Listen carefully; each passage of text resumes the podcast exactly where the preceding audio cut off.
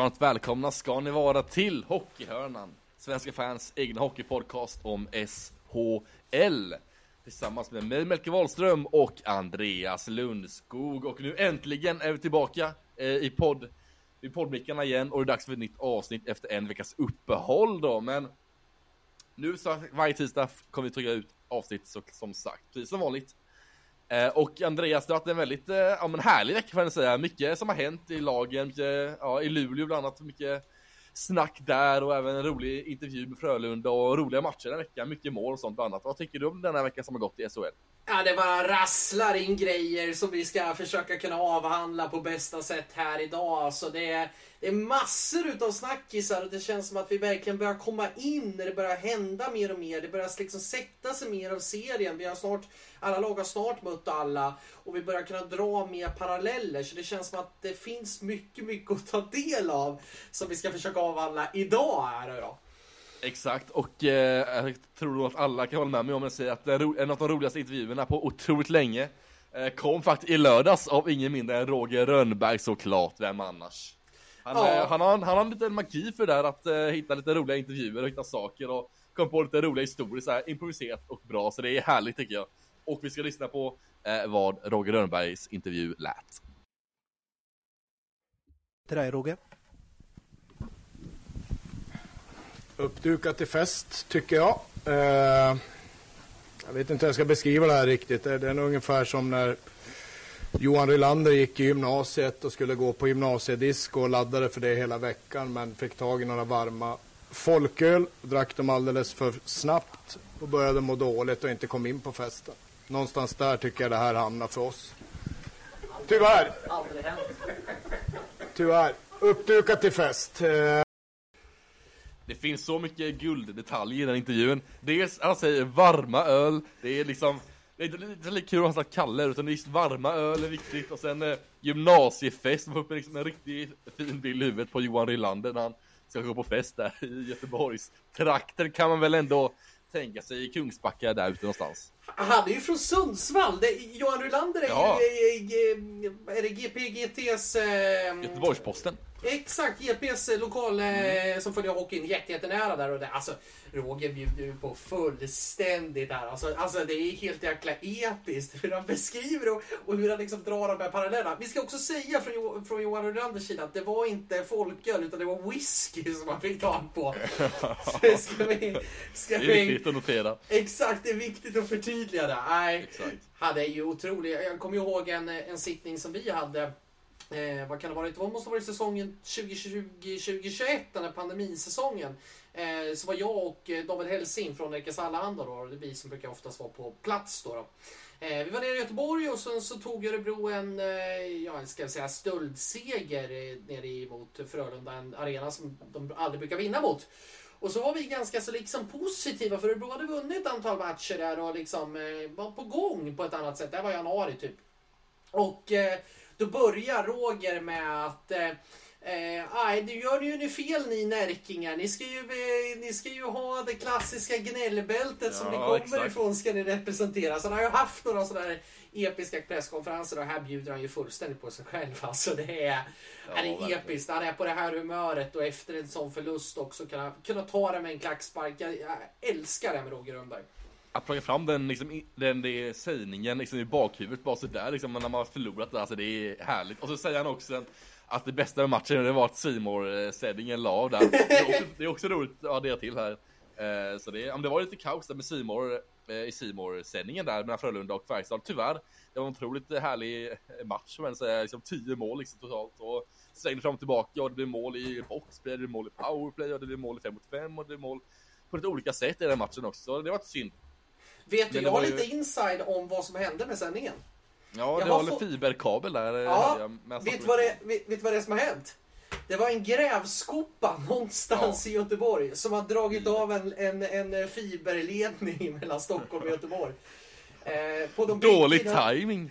I, do, vid, någon bro, vid någon eh, tunnel där i Göteborg fick jag, fick jag lite inside information och det är ju, eh, det är ju det är otroligt på något sätt.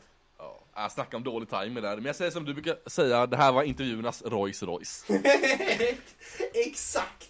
Intervjuernas Rolls Royce. Vi ska se om det finns någon som kan toppa det här under året, annars är det ju årets intervju. Alltså. det Ja, ju... verkligen. Det är en stark kandidat redan här och nu efter tio omgångar. Ja, det måste man säga. Alltså, det, och även genom historien så tycker jag att det, det, det, den, den går högt upp den här alltså. Ja, den, Ja. den har något, verkligen. Det är en utstickande intervju, verkligen. Så den, den har verkligen något. Ja, Så det är kul. exakt. Annars då, Frölunda. Eh, vi kan ju börja där i, i dagens program och eh, checka. Vad, vad ser du på deras läge Ja. just nu? Ja, men Frölunda, det är... Du, du flaggade på det innan, att Lars Johansson kommer ha lite lång in- inkörningsperiod här i SHL. Vi var inne på tidigare, under tidigare veckan. Eh, avsnitt att vi sagt i tid att Lars Johansson kommer ha det tufft i början i SHL eftersom det är så stor omställning mellan KL och SHL. Vilket han även har bekräftat själv i intervjun han har eh, varit med. Och det tycker man se också på Frölunda att det försvarsspel, jag tycker inte att det har varit allra det bästa. Jag tycker att eh, Petri Lindbom bland annat har sett väldigt, eh, eh, väldigt blek ut tycker jag inledningsvis i SHL. Förvånansvärt blek faktiskt. Jag trodde han skulle vara riktigt, riktigt bra och riktigt stor tillgång för Frölunda. En sån defensiv backen-general. Men han har haft en trevande inledning här. Jag tycker så som Filip, eller Pontus Johansson har varit otroligt bra inledningsvis. Verkligen chock, eller gjort otroligt bra efter sina förmågor och verkligen levererat tycker jag på SHL-nivå så länge. Så, ja men Vissa spelare har klivit fram och gjort det väldigt bra. Vissa spelare som ska kanske leverera har inte gjort det riktigt med Lindbom och Lars Johansson eller bland annat. Eh, ja, jag tycker du Andreas om Frölundas vecka då. Vi kan säga, de- de inledde ju den veckan i torsdags mot Skellefteå borta. Då blev det en 2-5 eh, vinst. Sen hade man hemmamatch då i lördag som vi var tidigare där med kabel som gick sönder och allt vad nu är var typ Exakt. uppbyggt till fest var det, men det blev sju insläppta mål för Frölunda den matchen. Och en 3-7 torsk mot Färjestad då. Um, och eh, vi kan se här att Innala har gjort mål i båda matcherna bland annat i den här veckan och han fortsätter att leverera fast man inte tänker på det så mycket. Eh, och Filip Johansson, eller Pontus Johansson och Filip Johansson också bra. Men Mm. vad tycker du om Frölundas vecka, eh, Andreas? Nej, men, äh, jag vet inte riktigt vad man har Frölunda om jag, om jag ska vara ärlig. Alltså, det känns som att man gör en jätte, jättebra match borta i Skellefteå där man vinner med 5-2 och liksom ser stabila ut, ser väldigt, väldigt bra. Sen åker man hem till Göteborg och så blir det någon form av partycrasher fullständigt där på alla sätt och vis. Det, det känns som att man inte har någon kontinuitet i prestationerna och det jag reagerade framförallt i lördags det var att jag tycker att det såg ganska så lojt ut. Det blir frustrerat snabbt. Eh, och när det rasar, då rasar man alltså. Då, då, då släpper man in extremt mycket mål.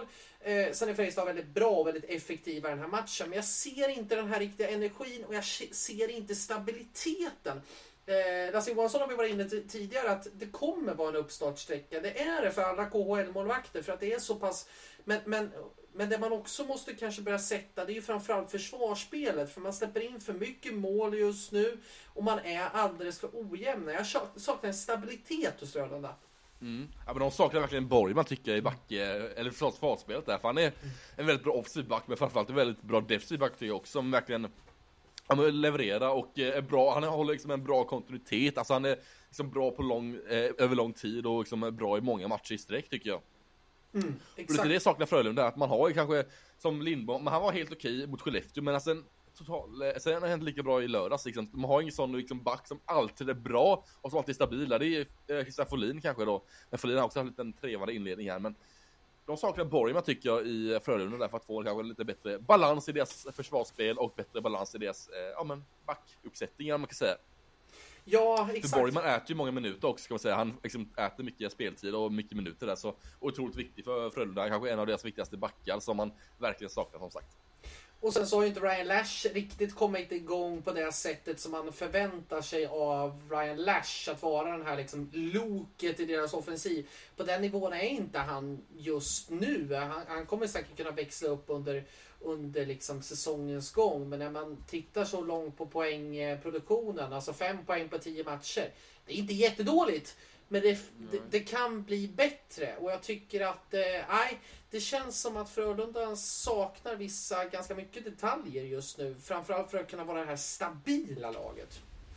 Ja men som du säger, det är 5 poäng på 10 matcher för Ryan Lash. Alltså gör han det över en hel säsong, då är det 26 poäng i SHL för Ryan Lash. Och det hade varit total flopp säsong för Lash de har gjort så, håller i den här poängsikten som han gör just nu. Eh, Men jag, jag twittrade faktiskt i lördags lite så här och då var det en, om eh, Oskarshamns powerplay att det är otroligt statiskt. jag ska typ säga någonting att, eh, har ni sett dem mer fantasilöst, statiskt och okreativt powerplay innan? Och så kommenterar många Frölunda-fans bara, har du sett Frölundas powerplay? så många, de klagar mycket på Frölundas powerplay, att det är väldigt eh, fantasilöst och statiskt och att det är svårt att skapa bra lägen där. Och det kan jag verkligen hålla med om, för jag tycker att Frölundas powerplay har varit alldeles, alldeles för svagt inledningsvis. Eh, mycket beroende på att Ryan Lash inte har kommit igång, kanske det ska styra powerplayet och liksom vara den motorn i powerplayet som ska liksom ta tag i taktpinnen och verkligen skapa målchanser på egen hand, spela fram och lägga upp sina eh, ja, men medspelare då helt enkelt i sin powerplay-ställning. Och där saknar man verkligen eh, Ryan Lash, liksom den gamla Ryan Lash, där man behöver verkligen få in han och få igång han ordentligt nu i är framförallt powerplayet. Men vad tycker du om deras powerplay Andreas? Nej, vi har ju varit inne och liksom, det har ju varit skräcksiffror på, på det liksom. Alltså de var väl nere, vad var det, på 6% senast vi tittade för två veckor sedan. Nu ligger de väl på, jag ska gå in och kika faktiskt på jag har inte det i huvudet mm. vad de ligger på i Nej, men det är inte så mycket bättre tror jag inte. Ja, de ligger på, vi ska se här, här har vi SOS. De ligger alltså på 12% 12,12. Eh, och det är ju tvärskiss då. HV71 som ligger eh, på 13 plats har 15,5 och, och Timrå leder på 33,33. Alltså det är riktigt, riktigt dåligt och det är ju inte de akilleshälarna man trodde att Frölunda skulle ha i år liksom. Samtidigt Nej, som man tappat lite offensiv spets. Ja men så är det verkligen, men man har också fått in en liksom en, man har liksom haft Raralench från start här nu, Jerry Innel har fått in som en powerplay-spelare, eh, Lär som har kvar liksom, som har ändå kvar så många offensiva kvalitetsspelare har fått in en del offensiv kvalitet redan från start där.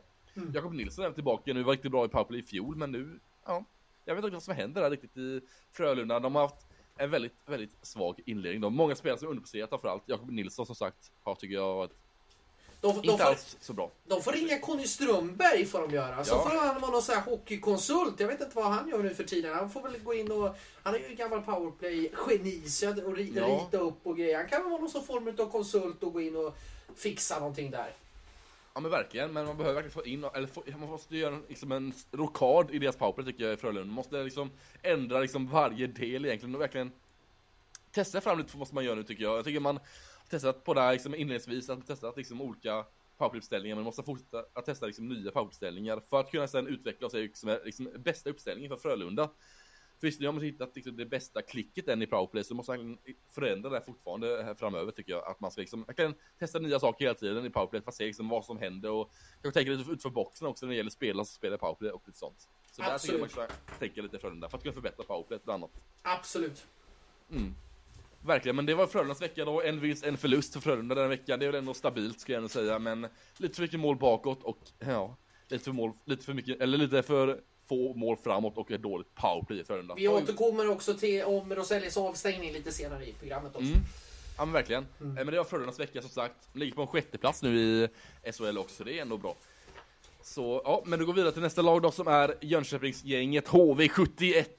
En vinst, en förlust för dem också den här veckan. Man eh, eh, förlorade borta mot Rögle i torsdags efter overtime. Som vanligt när HV spelar så blir det overtime. Och det är båda matcher denna veckan då. 2 torsk i torsdags borta mot Rögle. Och eh, hemmavinst i lördags då mot Brynäs efter overtime. Eh, Andreas, vad tycker du om HVs vecka då? Uh, det, det, det, jag, tycker, jag, börjar, jag börjar bli lite sådär att varningsflaggorna börjar faktiskt komma nu mer och mer. För att det är så mycket, så mycket som inte stämmer i HVs spel just nu. Alltså, det känns som att man, man, man är med i matcherna.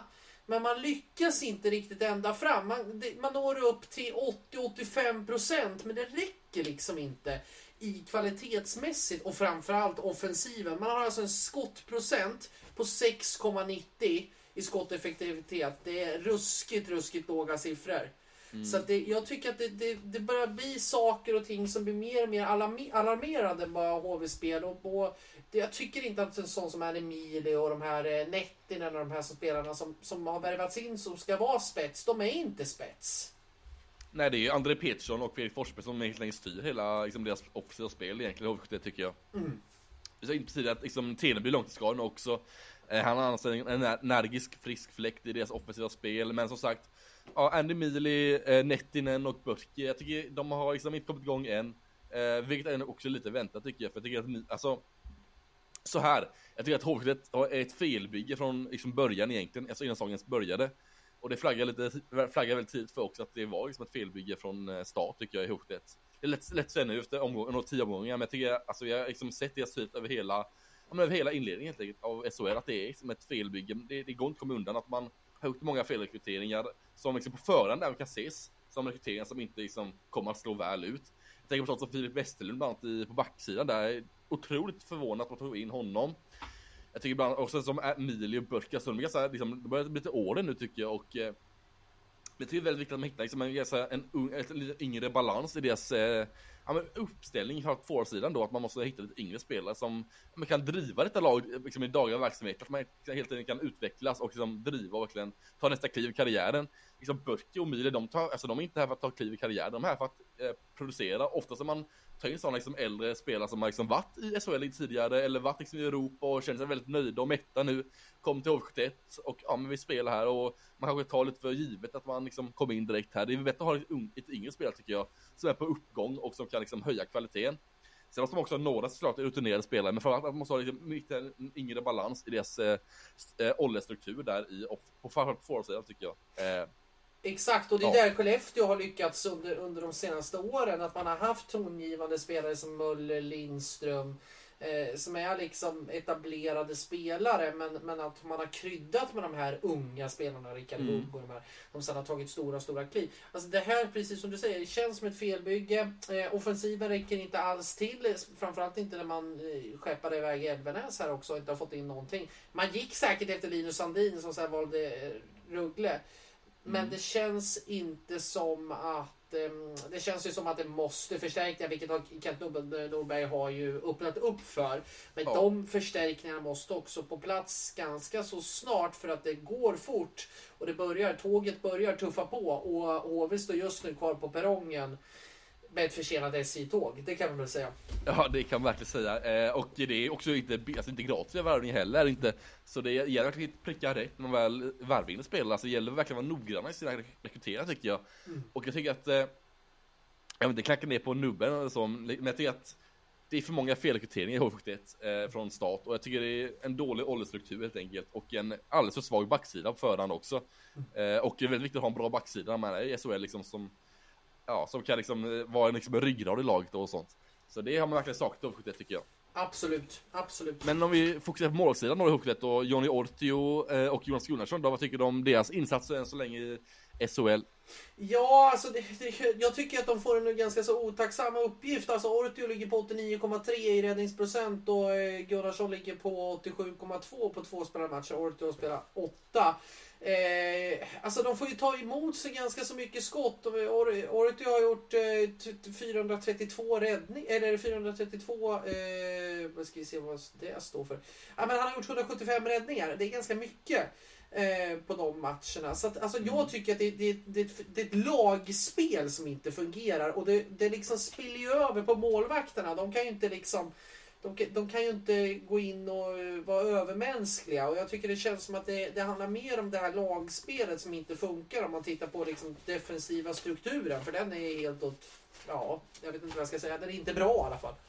Nej men det är lagmaskin som hackar rejält kan man verkligen säga. Maskinen har kommit igång igen i Hockeyet. Exakt. Eh, vilket, vilket synd för Hockeyets skull för det är verkligen, de ligger liksom nu på jumboplats igen, eller ja, ligger där eh, topp två sist då. Eh, det är väldigt synd för Hockeyet tycker jag som ändå verkligen liksom skapat ett förtroende och nu verkligen kommit upp till SHL på riktigt. Nu vill man verkligen ta liksom nästa steg, man kommer till SHL direkt. Det har man inte gjort, utan man är kvar på perrongen som jag sa tidigare då. Man står liksom en halv fot Hockeyallsvenskan liksom sen tidigare och liksom, ja, det är väldigt synd om Hockey tycker jag just nu. Men Ja. Sen, sen, tror jag man måste ändra kostymen lite som HV har pratat om. Alltså, HV, jag, jag, tycker man har kanske fått lite, jag ska inte säga hybris, men man har svävat iväg kanske mycket för att det är HV71, mm. för att det är liksom en anrik förening, för att man har varit med i toppen. Nu har man en spelartrupp som inte är på top notch, ganska så mycket hockeyallsvensk fortfarande. Det tar tid att mm. växa in i SHL-kostymen när man väl har, har förlorat den borta i tvätten i, med ett år i hockeyallsvenskan man lärde sig säkert saker där, men man måste också ha den ödmjukheten att att det går inte bara på liksom några månader och sen är man ett, ett SHL-lag som ska fightas mot toppen. Utan jag tror man får, får liksom ta den här inställningen att det kommer bli jäkligt tufft i år. Och det enda vi ska göra det är att försöka undvika kval. Sätta den målsättningen mm. tydligare. Vi ska inte ha något snack om topp 6 eller topp 8 eller någonting. Vi ska klara kvar oss i SHL förutom kval. Att ha den insikten istället. Jag tror att det hade varit bra för både fans och jag tror att det hade varit bra framförallt för klubben själva. Så man inte börjar sväva iväg i, i grejerna. För det är det jag, ty jag tycker man är lite, har lite för dålig verklighetsuppfattning med vad den här truppen har egentligen för kapacitet. Just ja, så är det verk Ja, så är det verkligen. Men jag, jag, jag ser inte heller jätte, ser jättebra tendenser. Alltså, jag tror inte att det kommer ändras så mycket framöver heller. Alltså, jag ser inga jättegoda tendenser på att det kommer liksom bryta den här trenden heller. Jag tror att Hockeyet är där nere i botten för att stanna helt enkelt. Eller för att ja, vara där över lång tid. Tyvärr. Mm. Exakt. Men ja, det var Hockeyets och deras vecka då. En vinst, en förlust som sagt. Två övertidsmatcher. Men nästa lag är ingen mindre än Leksand och här är lite gladare miner kan jag tänka mig efter två vinster här i veckan då. I torsdags mot Timrå, det blev en uddamålsseger och ja, Mats Admalis har verkligen kommit igång på säsongen. Det är härligt att se tycker jag. Verkligen. Mot Timrå. Håller nollan ännu en gång. Eh, sen Växjö eh, mot Leksand då i lördags. Leksand vann efter övertid då eh, på bortaplan mot Växjö. Efter att John Quenneville har gjort mål igen och Carter Camper fortsätter att spruta in mål också. Ja, Quenville har ju verkligen kommit igång här nu. Det måste man verkligen säga. Han var ju liksom totalsågad av nästan till alla. Om man tänkte, ska han sätta sig på första bästa American Airlines-plan bort i Nordamerika? Men så har det ju definitivt inte varit den senaste veckan. Och det känns som att han börjar hitta rätt mer och mer. Nu blev han i och för sig avstängd en match. Men, men för den här domarknuffen som vi kom, kanske kommer till lite senare. Men, men, mm, det. men, men det känns ändå som att Leksand börjar hitta, hitta mer och mer rätt också. Liksom. Börja hitta det här spelet över hela banan också. Har en bra sista utpost i Armalis där som kan vinna matcher till sitt lag. Men också att spelare som Carter Camper börjar komma igång. Jag tycker att Rivik ser mer och mer rivig ut i spelet. Eh, det känns som att Leksand börjar hitta lite av de här rollerna. Om man säger att ett lag ska hitta identitet så tycker jag Leksand börjar hitta sin identitet i den här serien mer och mer nu. Ja, verkligen. Efter, han gjorde ett poäng på de första fyra matcherna, men sen har det blivit eh, fem poäng på fem matcher nu för John Quenneville då. Plus ett också i plus minus-statistiken. Så han verkligen, eh, han inledde svagt där med minus ett och sen nu är det verkligen plus ett och nu har verkligen börjat ta jobbet över hela banan tycker jag. Det är otroligt starkt att se att han utvecklas så mycket på kort tid. Han har förmodligen fått någon tillsägelse av Björn Hellkvist kan jag tänka mig. Eh, och verkligen nu börjar jobba på riktigt över hela banan. Och jobbar man hårt, då vinner man mycket dueller och då vinner man också mycket yta och det leder fram till att man kan skapa målchanser också. Och det som hänt nu med John Quenneville tycker jag. är väldigt imponerande att se över hans... Ja, men att han verkligen tagit till sig kritiken och eh, verkligen gjort någonting, någonting bra. Eh, och verkligen nu när Rivi kommit in också så har han tagit ytterligare steg tycker jag i sitt spel. Absolut, absolut. Så då, eh, och eh, som sagt, eh, Anton Lindholm är en back som verkligen snackas om väldigt mycket. En otroligt, otroligt bra back alltså. Det är svårt att inte bländas av hans insats tycker jag. väldigt bra både offensivt men framförallt så är det ju hans defensiva egenskaper som verkligen sticker ut tycker jag. Han heter så väldigt otroligt lugn i sitt spel och väldigt, alltså han är bra på allt tycker jag, Anton Lindholm. Det är, ja, men det är väldigt bra och kul att ha en sån back i ligan faktiskt, att kolla på. Verkligen. Alltså ruskigt. Han ska ju inte vara med i den här landslagstruppen förhoppningsvis nu som tar sig ut av eh, Samalla med här nu om men det är väl några veckor framåt till eh, Karjala som brukar vara här nu i 10 november. november. 10 november, där 10 har vi november börjar Karjala Tournament här. Där har vi det. Då är det nog trupputtagning här nu i, säkert i nästa vecka eller veckan efter. Så att, äh, det ska bli riktigt mm. intressant. Äh, jag tycker det, det är en klassback fullständigt. Alltså har ju alla egenskaper både liksom offensivt och defensivt. En bra modern tvåvägsback. Så där har ju, har ju Leksand gjort ett fullständigt kap. Det måste man ju faktiskt ja. säga. Jag tycker att jag är eh, jag är riktigt eh, imponerad faktiskt utav eh, scouting och hur man har lyckats där. Och sen får man ju också in Emil eh, Heinemann här nu också som har varit skadad mm. här nu när han har kommit från nordamerikanska äventyret med Montreal. Så att Leksand känns farliga nu alltså. Börjar, efter en ganska trög och trött start så börjar det kännas som att man börjar få mer och mer bitarna på plats. Man har ett målvaktsspel också från Armalis som jag mm. tycker definitivt ska fortsätta få förtroendet ja, här nu. När han är i den uh, heta formen som han faktiskt är.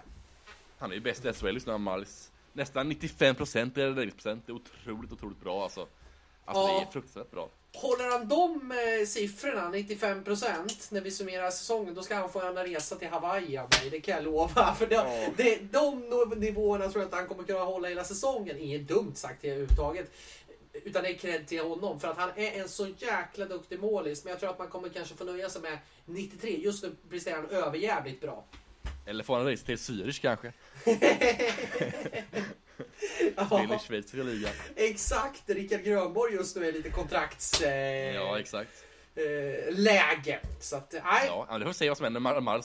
Han är otroligt bra släng inledningsvis och håller detta över hela säsong. Vilket jag också kan tänka mig att han kan hålla liksom 92% över hela säsong kanske. Mm. Eh, det var otroligt, otroligt bra. Det är, liksom, det är toppsiffror i hela ligan. Är det. Exakt. Väldigt imponerande faktiskt. Och Emil Larmin nu kommit upp på tredje plats i här nu. Eh, vad händer där tänkte jag? 92% har han. Nästan 92,9 har Emil Larmin i 100%. Otroligt starkt av Larmin att, att komma upp så högt nu. Efter en ganska dålig inledning. Ja, perfekt övergång till Växjö också som, som mm. börjar också hitta, precis som vi sa om Leksand, börjar hitta. Jag, jag tycker jag var ganska så osäker kring, kring Växjös spel och framförallt målvaktssidan alltså. Men både han och, och Adam Åhman har gjort det ruskigt bra alltså. Eh, hittar delar i sitt spel. Eh, det Växjö också gör jäkligt bra det är att man tar ledningen ofta i matcherna. Man har alltså tagit ledningen 8 av 10 matcher har man gjort första målet i. Det är ju snäppet på otroliga siffror. Så att, eh, och målvaktsspelet där, jag är positivt överraskad kring Växjö. Jag trodde det skulle gå knasen och att man skulle få en jobbig säsong. Men nej, Jörgen Jönsson gör bra där alltså. Verkligen. Eh, kolla på deras powerplay, så det är Joel Persson, Lukas Bengtsson. De levererar otroligt, otroligt starkt i powerplay framförallt. Eh, så väldigt imponerande att se eh, framförallt Växjös powerplay men också liksom hur deras lag som helhet kommit igång nu. Jaden Habgoax börjar komma igång ordentligt tycker jag. Dan Sexton gör bra insatser. Eh, jag tänker på forwardsidan sådär. Martin Lundberg också gjort, gjort en bra vecka här. Eh, så ja, men många som börjar steppa upp i Växjö tycker jag. Framförallt har ju Milarmi sa tidigare och även Dan Sexton och Habgoax behöver komma igång på riktigt nu också. Så det är kul för Växjö att de verkligen börjar få ihop sin helhet. I början var det mycket så här, ja, mycket liksom eh, vikt vid backsidan, att den var otroligt bra, men att forwardsidan liksom var lite sämre och att man kanske inte fick ut den offensiva kraften som man verkligen ville. Men nu börjar liksom Växjö bli en, hel, en helhet kan man säga, att man liksom börjar få ihop ett helt lag nu och få igång alla lagdelar. Även målsidan också. Det är otroligt, otroligt viktigt för Växjö att man kan få liksom ihop allt eh, så här tidigt på säsongen. Ja, man står inte och faller med någon riktig kedja heller, Nej. utan det är liksom ett, ett kollektiv, det är en enhet. Och om vi var inne på powerplay så måste vi också nämna boxplay, för det, då är det ju nästan till otroliga siffror. De har alltså ett, ett PK, ett penalty killing på 85,71. Man har alltså bara släppt in fyra mål på 28 på 28 möjligheter i, i boxplay. Alltså det är ju ruskigt starka siffror. Ja men verkligen. Eh, och eh, Växjö då den här veckan, en vinst, en förlust då. Man vann eh, straffar i torsdags borta mot Linköping med 3-2. Och man torskade då i lördags efter overtime mot Leksand hemma. Martin Lundberg gjorde mål i lördags. kollar vi torsdags match så var det ju Robert Rosén, Lukas Bengtsson och Joakim Blitzfeldt på, Joakim Blitzfeldt på straff då. Exakt. Så det är en bra, en stabil vecka, en stabil vecka av Växjö eh, tycker jag. Två uddamålsmatcher, en förlust, en vinst och det går lite, ja men det svänger. Alltså det är två overtimes matcher som går ja, efter ordinarie tid. Alltså det är otroligt svårt att så här, analysera det men två jämna matcher och två bra matcher av Växjö, jag säga. Ja, och liksom man verkar vara förbannat svårslagna på något sätt. Eller liksom att inte, inte förlora, alltså ta poäng. Lyckas att, att ha liksom den här förmågan att lyckas tas till poäng. Det är mm. ruskigt imponerande av Växjö faktiskt. Så att, eh, positiva tongångar där. Ja men verkligen. Eh, och det blir bra övergång sen till Linköping då som är nästa lag ut. Eh, Linköping då har spelat, bara spelat en match den här veckan då, blev en förlust då mot just Växjö som tidigare där efter straffar. Ja, ändå fick ändå med sig ett poäng från den matchen och eh, ja, bara en match är svårt att säga mycket om Linköpings vecka som bara en match som sagt. Eh, men Sebastian Strandberg börjar komma igång på riktigt tycker jag. Eh, han börjar se bättre och bättre ut tycker jag, tar kliv hela tiden. Linus Hultström börjar också komma igång nu eh, efter en väldigt dålig inledning tycker jag. Men han börjar också komma igång nu och steppa upp sitt spel. Absolut, och det känns som att Linköping har fått lite arbetsro efter den där bedrövliga starten. Alltså, där, man, där man tittar bara så här, hur, hur ska det här kunna gå? Hur ska det här ens kunna fungera liksom, som ett lag? Nu tycker jag ändå man har hittat någon form av arbetsro och kunnat växt med den uppgiften. Eh, sen tror jag att Linköping kommer fortfarande kunna få ställa in sig på kanske ja, topp 10, alltså nedre ja, 10, nedre ja. av tabellen. Alltså, man kommer inte att kunna vara på någon övre halva, det tror jag inte. Men man har i alla fall kunnat fått lite arbetsro och där, där ser man liksom att de spelare som Sebastian Strandberg och Hultström och sådär, det finns kapacitet och att mm. de växer med, med kanske lite arbetsro. Sen måste vi ju säga, alltså Marcus Högberg, det måste ju framförallt, vi pratade om Marmalis och Larmi tidigare, men där också har du en toppenmålvakt. Alltså hur många Alltså snacka om att vinna matcher till sitt lag. Vi såg ju den här matchen mot HV71 som man trodde liksom, ja. han var, han var fullständigt övermänsklig. Han var ju liksom en en zombie liksom. eh, Från, Rånet i Jönköping. Ja, exakt. En riktig Jönssonligan Cup där. Det var en, rena rama Charles-Ingvar i, i målet där. Exakt. Högberg tog på sig rånarmasken och bara kom in i Jönköping och bara tokdominerade där med en fantastisk räddning där med stöten. Ja, det är Som jag tror att ingen har missat. Den är ju av allra högsta klass. Exakt, så att det känns som att Claes Östman har ändå kunnat fått lite arbetsro nu, kunnat bygga på någonting. Eh, jag tycker ju att de fortfarande har, jag tycker den här Stefan eh, Mathieu har ju väldigt, väldigt tufft fortfarande Ja. i, i SHL och sådär. Och ska ju väl vara, alltså man har inga riktiga fixstjärnor i offensiven. Brook Little har ett jättebra ingång men, men sen är det ganska tunt. Eh, man får lita sig på, på kollektivet. Eh, nej, men det känns ändå som att man har en, en, eh, en bra en bra vecka efter, eh, en bra trend just nu efter att ha Mm. varit krisstämplade fullständigt under inledningen.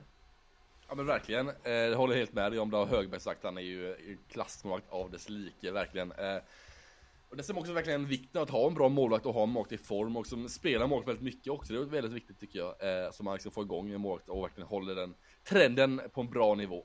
Och sen så förlängde man ju lånet här nu från, eh, från Leksand i Tobias Ekberg Mm. såg jag också. Så att, eh, jag tror, jag Det är också bra. Ja, jag tycker också att det har varit en bra injektion. Det känns som att man hittar, Mm. eh, hittar sätt till att lösa de defensiva problemen man hade under inledningen. Jag tycker att det har varit en bra injektion faktiskt. Om man kom in med, liksom, med ett lugn och en defensiv ty- tydlighet. Verkligen liksom en bra moral och en bra karaktär från Linköping in där i Ekberg verkligen. Så det är en väldigt, en perfekt spelare för Linköping skulle jag säga. Passar som handen i handsken som man brukar säga. Exakt, och även eh, Patrick Russell och Tyratti har ju också kommit igång där också som Mm. jag tycker man ska credda. Så att, eh, nej, det, det känns däremot så är man ju lite mer osäker på, på eh, Stefan eh, Mathieu och hur länge han blir eh, kvar nu. För det känns som Mm. Ja. att det, Nej, det, det tar nog bara mer en forwardspost egentligen där. Men det där är intressant också att, eh, eller intressant, men alltså inför säsongen sa ju Peter Jacobsson att eh, Matå ska vara liksom en grovjobbare, de ska vara liksom en tredjelangsspelare typ, som ska liksom jobba hårt och verkligen visa vägen liksom för de kanske lite yngre spelarna och verkligen komma in med sin, sina erfarenheter från NHL eh, och eh, liksom, ja, med sin rutin då. Så eh, frågan är, alltså jag tror kanske att eh, många har haft väldigt höga förväntningar på Matå, att han ska leverera kanske offensivt då, eh, poängmässigt, men jag tror man ska tona ner de förväntningarna ganska eh, mycket. Eh, och jag tror att Jakobsson och eh, Pajen inte har så stora förväntningar på att Matos ska leverera offensivt heller så mycket. Jag tror att han, inte att de är nöjda med han tror jag inte, men jag tror inte att de vill skicka iväg här och nu tror jag inte. Eh, det kan ju bli så att de gör det ändå, men jag, jag, jag, jag, alltså, jag tycker inte jag tror inte att de kommer skicka iväg den det första de gör nu eh, ikväll, men vi får se vad som händer med Matå. Nej, de har väl. Ben Maxwell skadad också på forwardsidan Mm, också där. och- Så att, eh, och de har väl även, eh, nej de har ju lite avbräck på, på så sätt. Så att jag tror inte heller att det är väl aktuellt i dagsläget. Nej. Det, det tror jag inte. Och han är också ett flexibel Matå, han kan ju liksom vara både center och han passar ju bra där om någon blir skadad också och verkligen kan komplettera en annan spelare.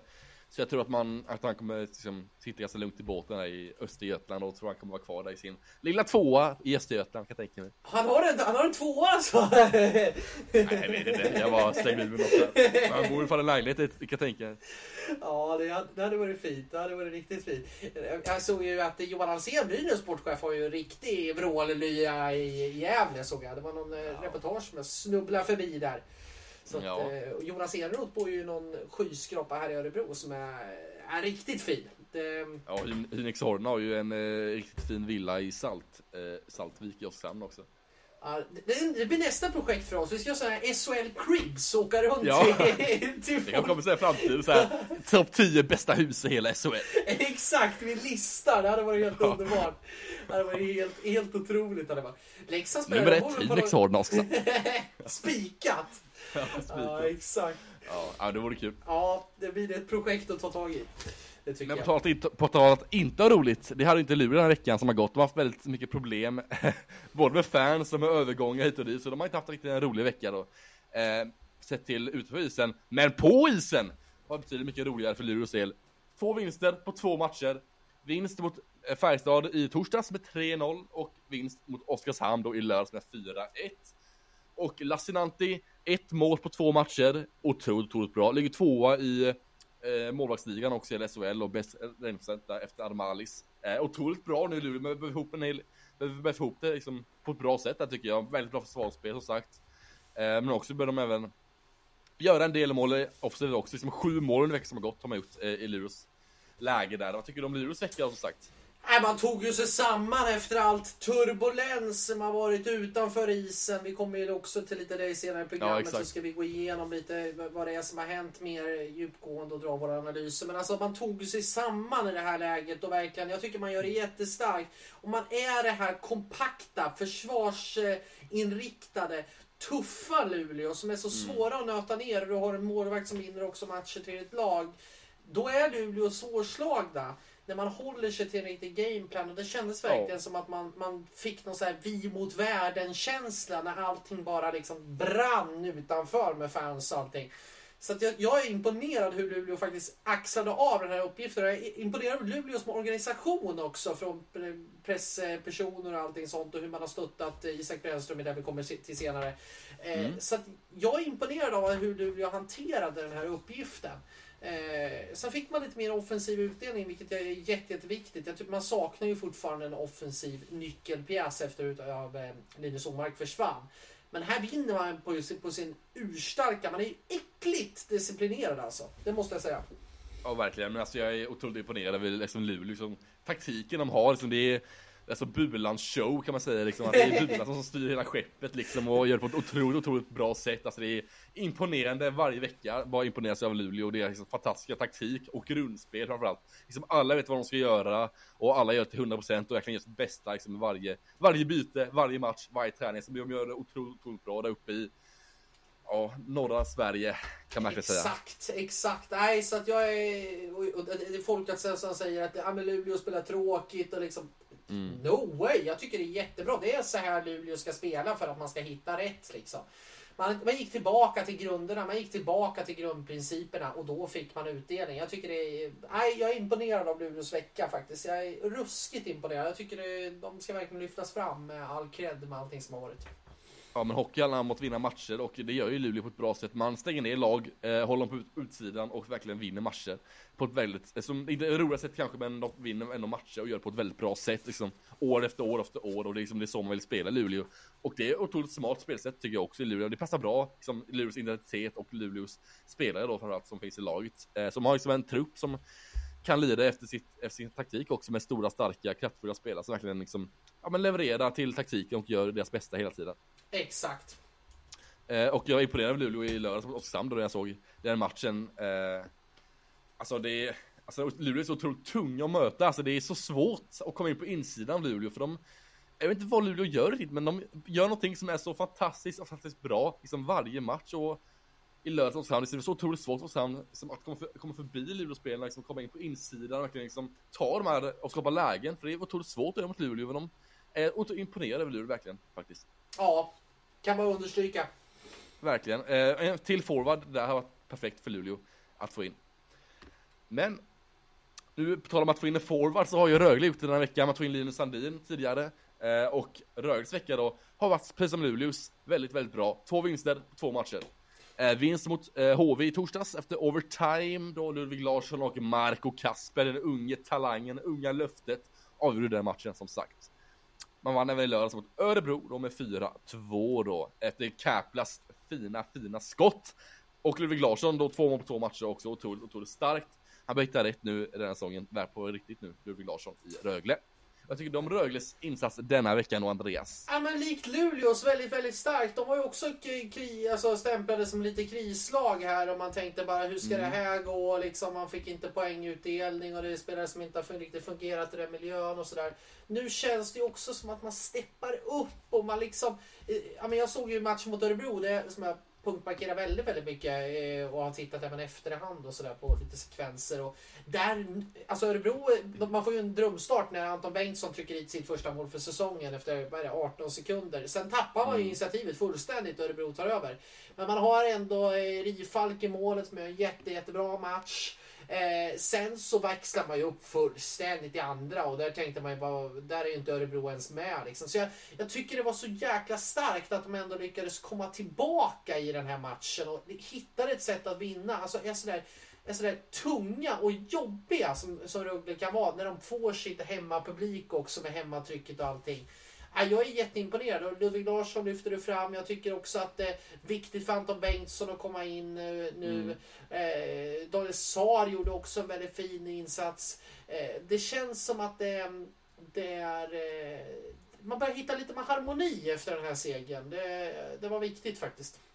Ja men verkligen och, och ja, men det ska bli kul att se, eller intressant att se hur man använder Linus Sandin nu, vilka, hur man gör liksom med kedjorna för att liksom, få in han på ett bra sätt för ja, det är väldigt, eh, väldigt eh, stor och eh, bra eh, forwardsuppsättning som man har där i, i Rögle, väldigt bred som sagt. Så det ska bli kul att se och se hur man liksom får in Linus Sandin och vad han kommer att bidra med nu här i nästa vecka. Någon som inte jag hade speciellt mycket koll på heller, det är Adam Engström. Jäklar Mm. vad han tog Ja, för sig.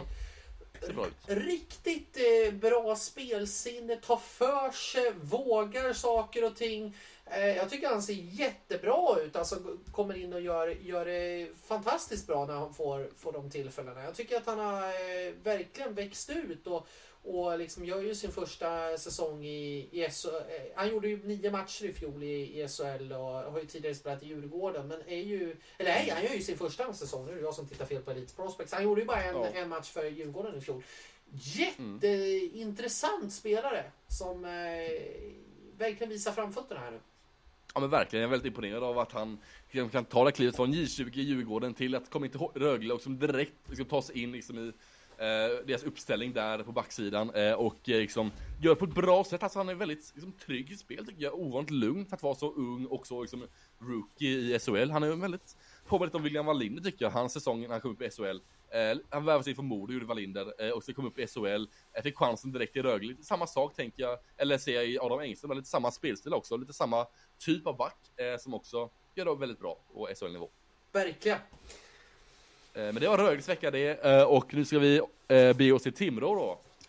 Timrå då som haft en vinst och en förlust och innan vi går in på torsdags match så bländas man ju av lördagens match mot Malmö. Liksom, det är liksom, liksom en stark signal som bara liksom kommer till med här. Malmö, Timrå 0-7 till Timrå. Alltså det är en match som man inte får blunda för. Otroligt, otroligt starkt gjort av Timrå där. Sju mål mot Malmö.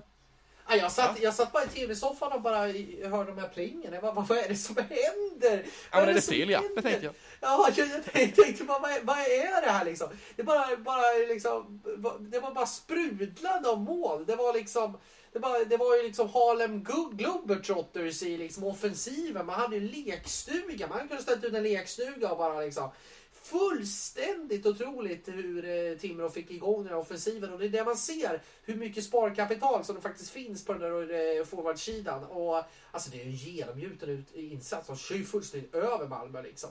Och eh, det var ju inte många kvar i, det var lite roligt för jag tittade på SD som är lokalredaktionen i, i, Mm. uppe i Sundsvall-Timrå. Som hade skrivit publiksiffran. 4000 och så var det väl 823 eller något sånt där. Och så hade de skrivit in en parentes. När matchen började. Ja, det är, det är viktigt att punktera det. Ja du, det, det kan jag säga. För det var inte många kottar kvar där när Timrå gjorde 0-7. Det kan vi säga. Det var bara pressläktaren kvar sen. Ja, exakt. exakt. Och Timrå-fansen, de som var där. Ja, nej. nej. Enormt imponerad faktiskt. Och framförallt Timrå har lyckats i powerplay också. De leder väl powerplay-ligan, om jag inte missminner mig, med någonting på 33% i effektivitet. Och, Man gjorde, man gjorde väl fem mål i powerplay tror jag den här matchen någonting. Thomas Semic fick ju fem minuters eh, utvisning, alltså man var förvaltade bäst. Jag tror man gjorde fyra eller fem mål i powerplay i Timrå. det har du rätt i. Det har du rätt i. Mm. Det är otroliga Alltså, det- siffror. Det är otroliga siffror, alltså det är helt sjukt att tänka efter. Alltså fem mål i liksom en enda match. Eh, I bara powerplay. Ja, fem Alltså, är- mål alltså i en match. Malmö har inte ens gjort fem. Malmö har gjort... Eh, vi tittar på Frölunda. De har gjort fyra, Ja. mål, fyra mål på tio matcher Ja, i powerplay.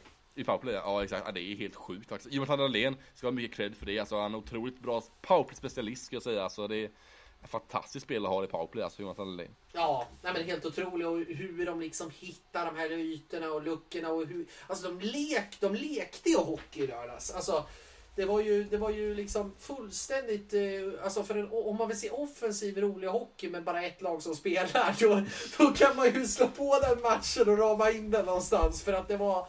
Nej, enormt imponerad hur, hur de faktiskt hanterar det där. Jag kommer ihåg när man var liten så här, då kör man liksom spel mot ett mål så här, man alla kör liksom mot en kasse, så fick pucken liksom gjorde mål typ. Lite samma känsla jag har det här i Malmö-matchen, att liksom, som spel mot ett mål, fick Timrå pucken, då var det bara att skjuta och liksom, det gick in liksom, man undrar liksom, alltså, ja, vad som hände riktigt. Marmelind och Werner fick ju verkligen Ja. bekänna färg.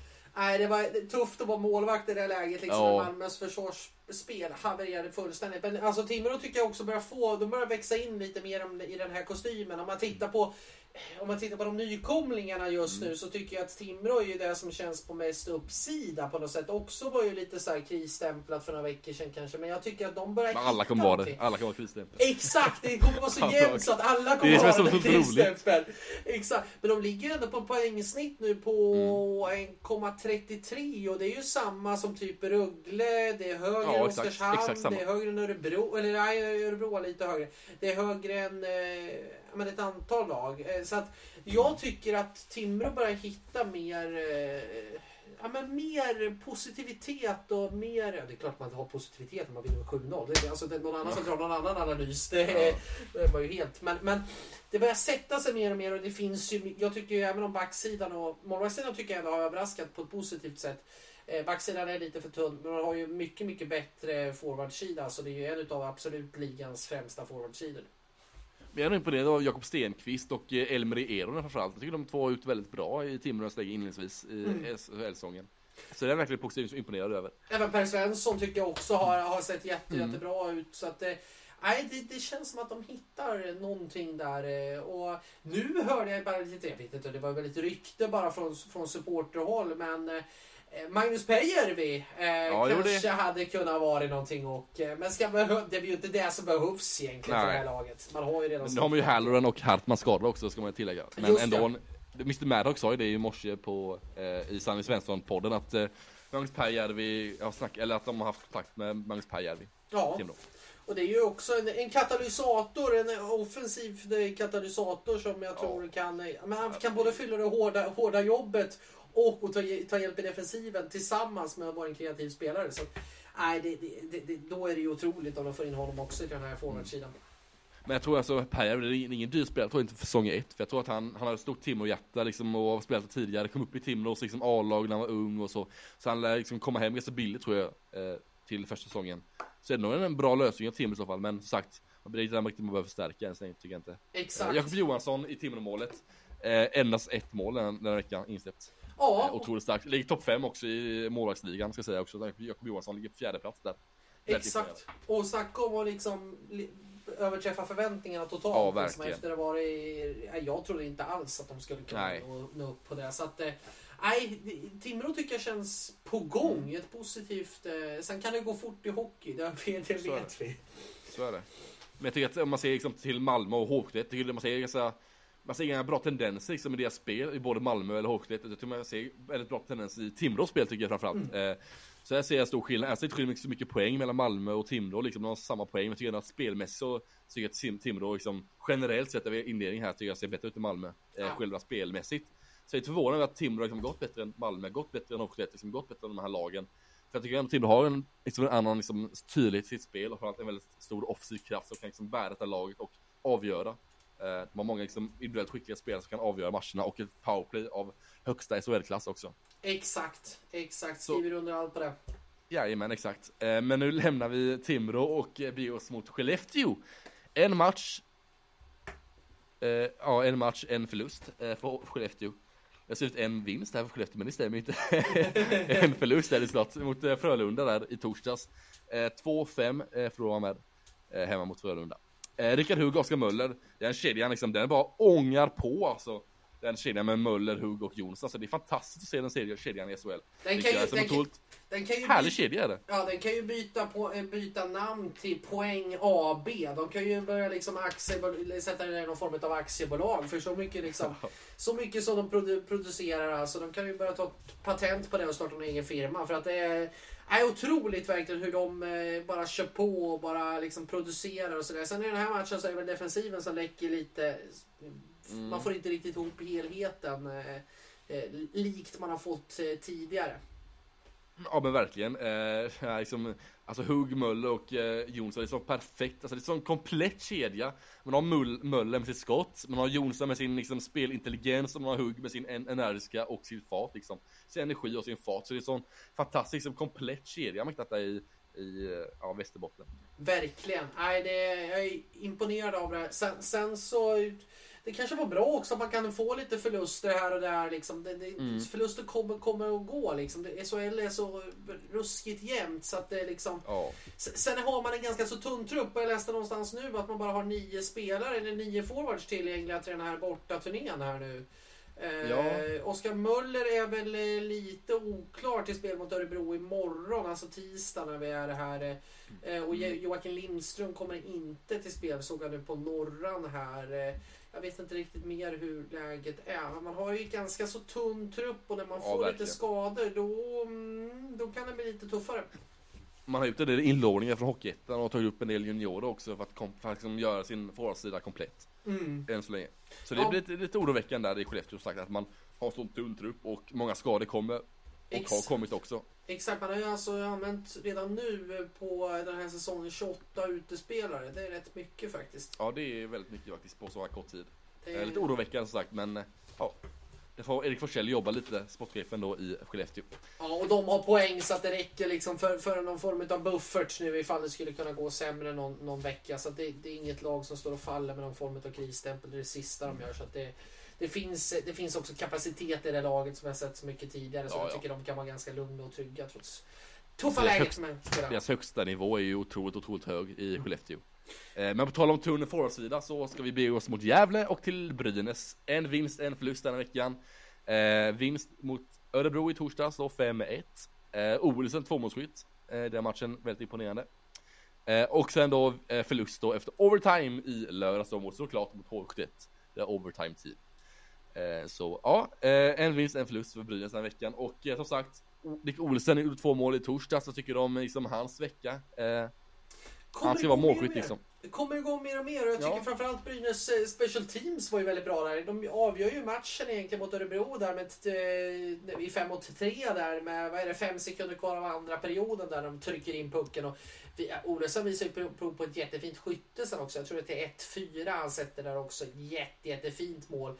Eh, och det känns som att Brynäs börjar hitta mer och mer liksom. Och de, de blir sådär, alltså Örebro har ju alltid haft problem mot Brynäs. Eh, just med att Örebro inte kanske är det här laget som gillar att föra spelet. Och de har oftast problem mot lag som ställer upp i mittzonen och är täta och kompakta. Och det var verkligen Brynäs samtidigt som Lindbäck var väldigt, väldigt stabil mot Örebro. Det måste jag säga. Han var ruskigt vass i målet. Så det känns som att man börjar hitta kanske lite mer. Och sen börjar ju Dimitri Timashov också komma igång lite efter mm. vi har... Det kanske är podden-effekten. Han ja, slår exakt. tillbaka efter vad jag har liksom eh, dragit av och försåg det. ja, exakt, efter våran totalsorg. Så det känns ja. som att det, det, är flera bitar som börjar komma på plats. Sen ska vi inte säga att det sprudlar. Eh, Nej, det gör det verkligen inte.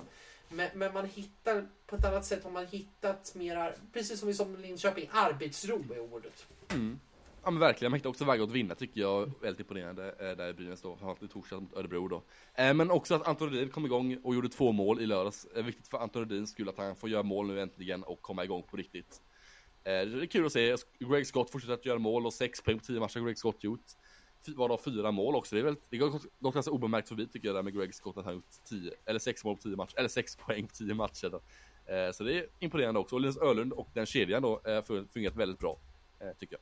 Verkligen, och så även Johannesson tycker jag fortsätter göra det jätte, jättebra. Alltså, ja, ja, han ska man inte glömma bort.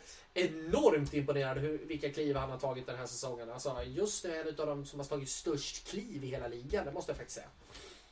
Mm, exakt, och eh, nu ska vi vidare till Örebro då. Två förluster den här veckan och eh, gnällbältet får Närka har verkligen anledning att gnälla den här veckan tycker jag. Två ah. förluster, varav nio insläppta mål på två matcher, vilket är ja, en sak att gnälla över tycker jag. Det läckte rejält, exakt det har läckt ja. rejält och då har man haft eh, Jonas Arntzen stod mot Brynäs och eh, liksom gjorde inte alls någon form av dålig match på något sätt. Och Jonas Enroth gjorde inte heller någon för dålig match mot Rögle men det känns som att Örebro tappar energi och man liksom börjar tappa. Jag sa ju för några veckor sedan att man började hitta identitet. Nu tycker jag att det är liksom, som jag skrev i en krönika här tidigare i veckan, att det är för mycket diesel i det här laget. Mm. Det, det är liksom det, det, man måste ha in någon form av raketbränsle som kan liksom gå in och visa lite mer. Det känns som att man har kört fast. Nu börjar Rodrigo Abbas gjorde väl två spelmässiga okej matcher här nu. Men just de här ledande spelarna har inte fått och liksom passa. Petrus Palm har haft en lite mer formdipp här nu. Eh, backsidan tycker jag liksom, det är lite odisciplinerat med pucken. Man slår mest icingar i hela ligan. Det är liksom Mm. Det är för mycket slarv och framförallt på Brynäs då tappade man ju liksom huvudet mer eller mindre och förlorade den här matchen på grund av utvisningar. Så att Örebro tycker jag, formen har verkligen varit på nedåtgående och det blir en viktig vecka här nu för dem när de har Skellefteå på tisdag när vi, det här avsnittet släpps. Sen är det torsdag hemma mot Färjestad och sen är det Malmö, en skräckarena för deras del, på lördag på bortaplan. Så att, alltså jag tycker att de behöver en förstärkning för jag tycker inte att det, att det syns. Och dessutom så måste vi säga att det har varit en turbulent vecka också inom laget. Jag pratade med Mattias Bromé efter eh, förlusten här mot Rögle väldigt öppet telefonsamtal och Bromé är alltid ska, är liksom exemplarisk när det kommer till att vara tillgänglig, svarar alltid på frågor och sådana saker. Och han var ju väldigt öppenhjärtig till, till att han är ju bara människa och det har inte fungerat riktigt. Det är en anpassningsperiod som man själv känner av mellan liksom eh, komma in till SHL jämfört med NHL och Schweiz då, där de varit senast. Det är en annan typ av hockey och han har till och med liksom nu fått meddelanden som går mot hans familj. Alltså hur... Mm. Alltså vi kommer in på det med Brännström tidigare, eller senare sen i programmet. Men alltså... Hur, ursäkta, hur fan kan man göra något sånt liksom? Ja, verkligen.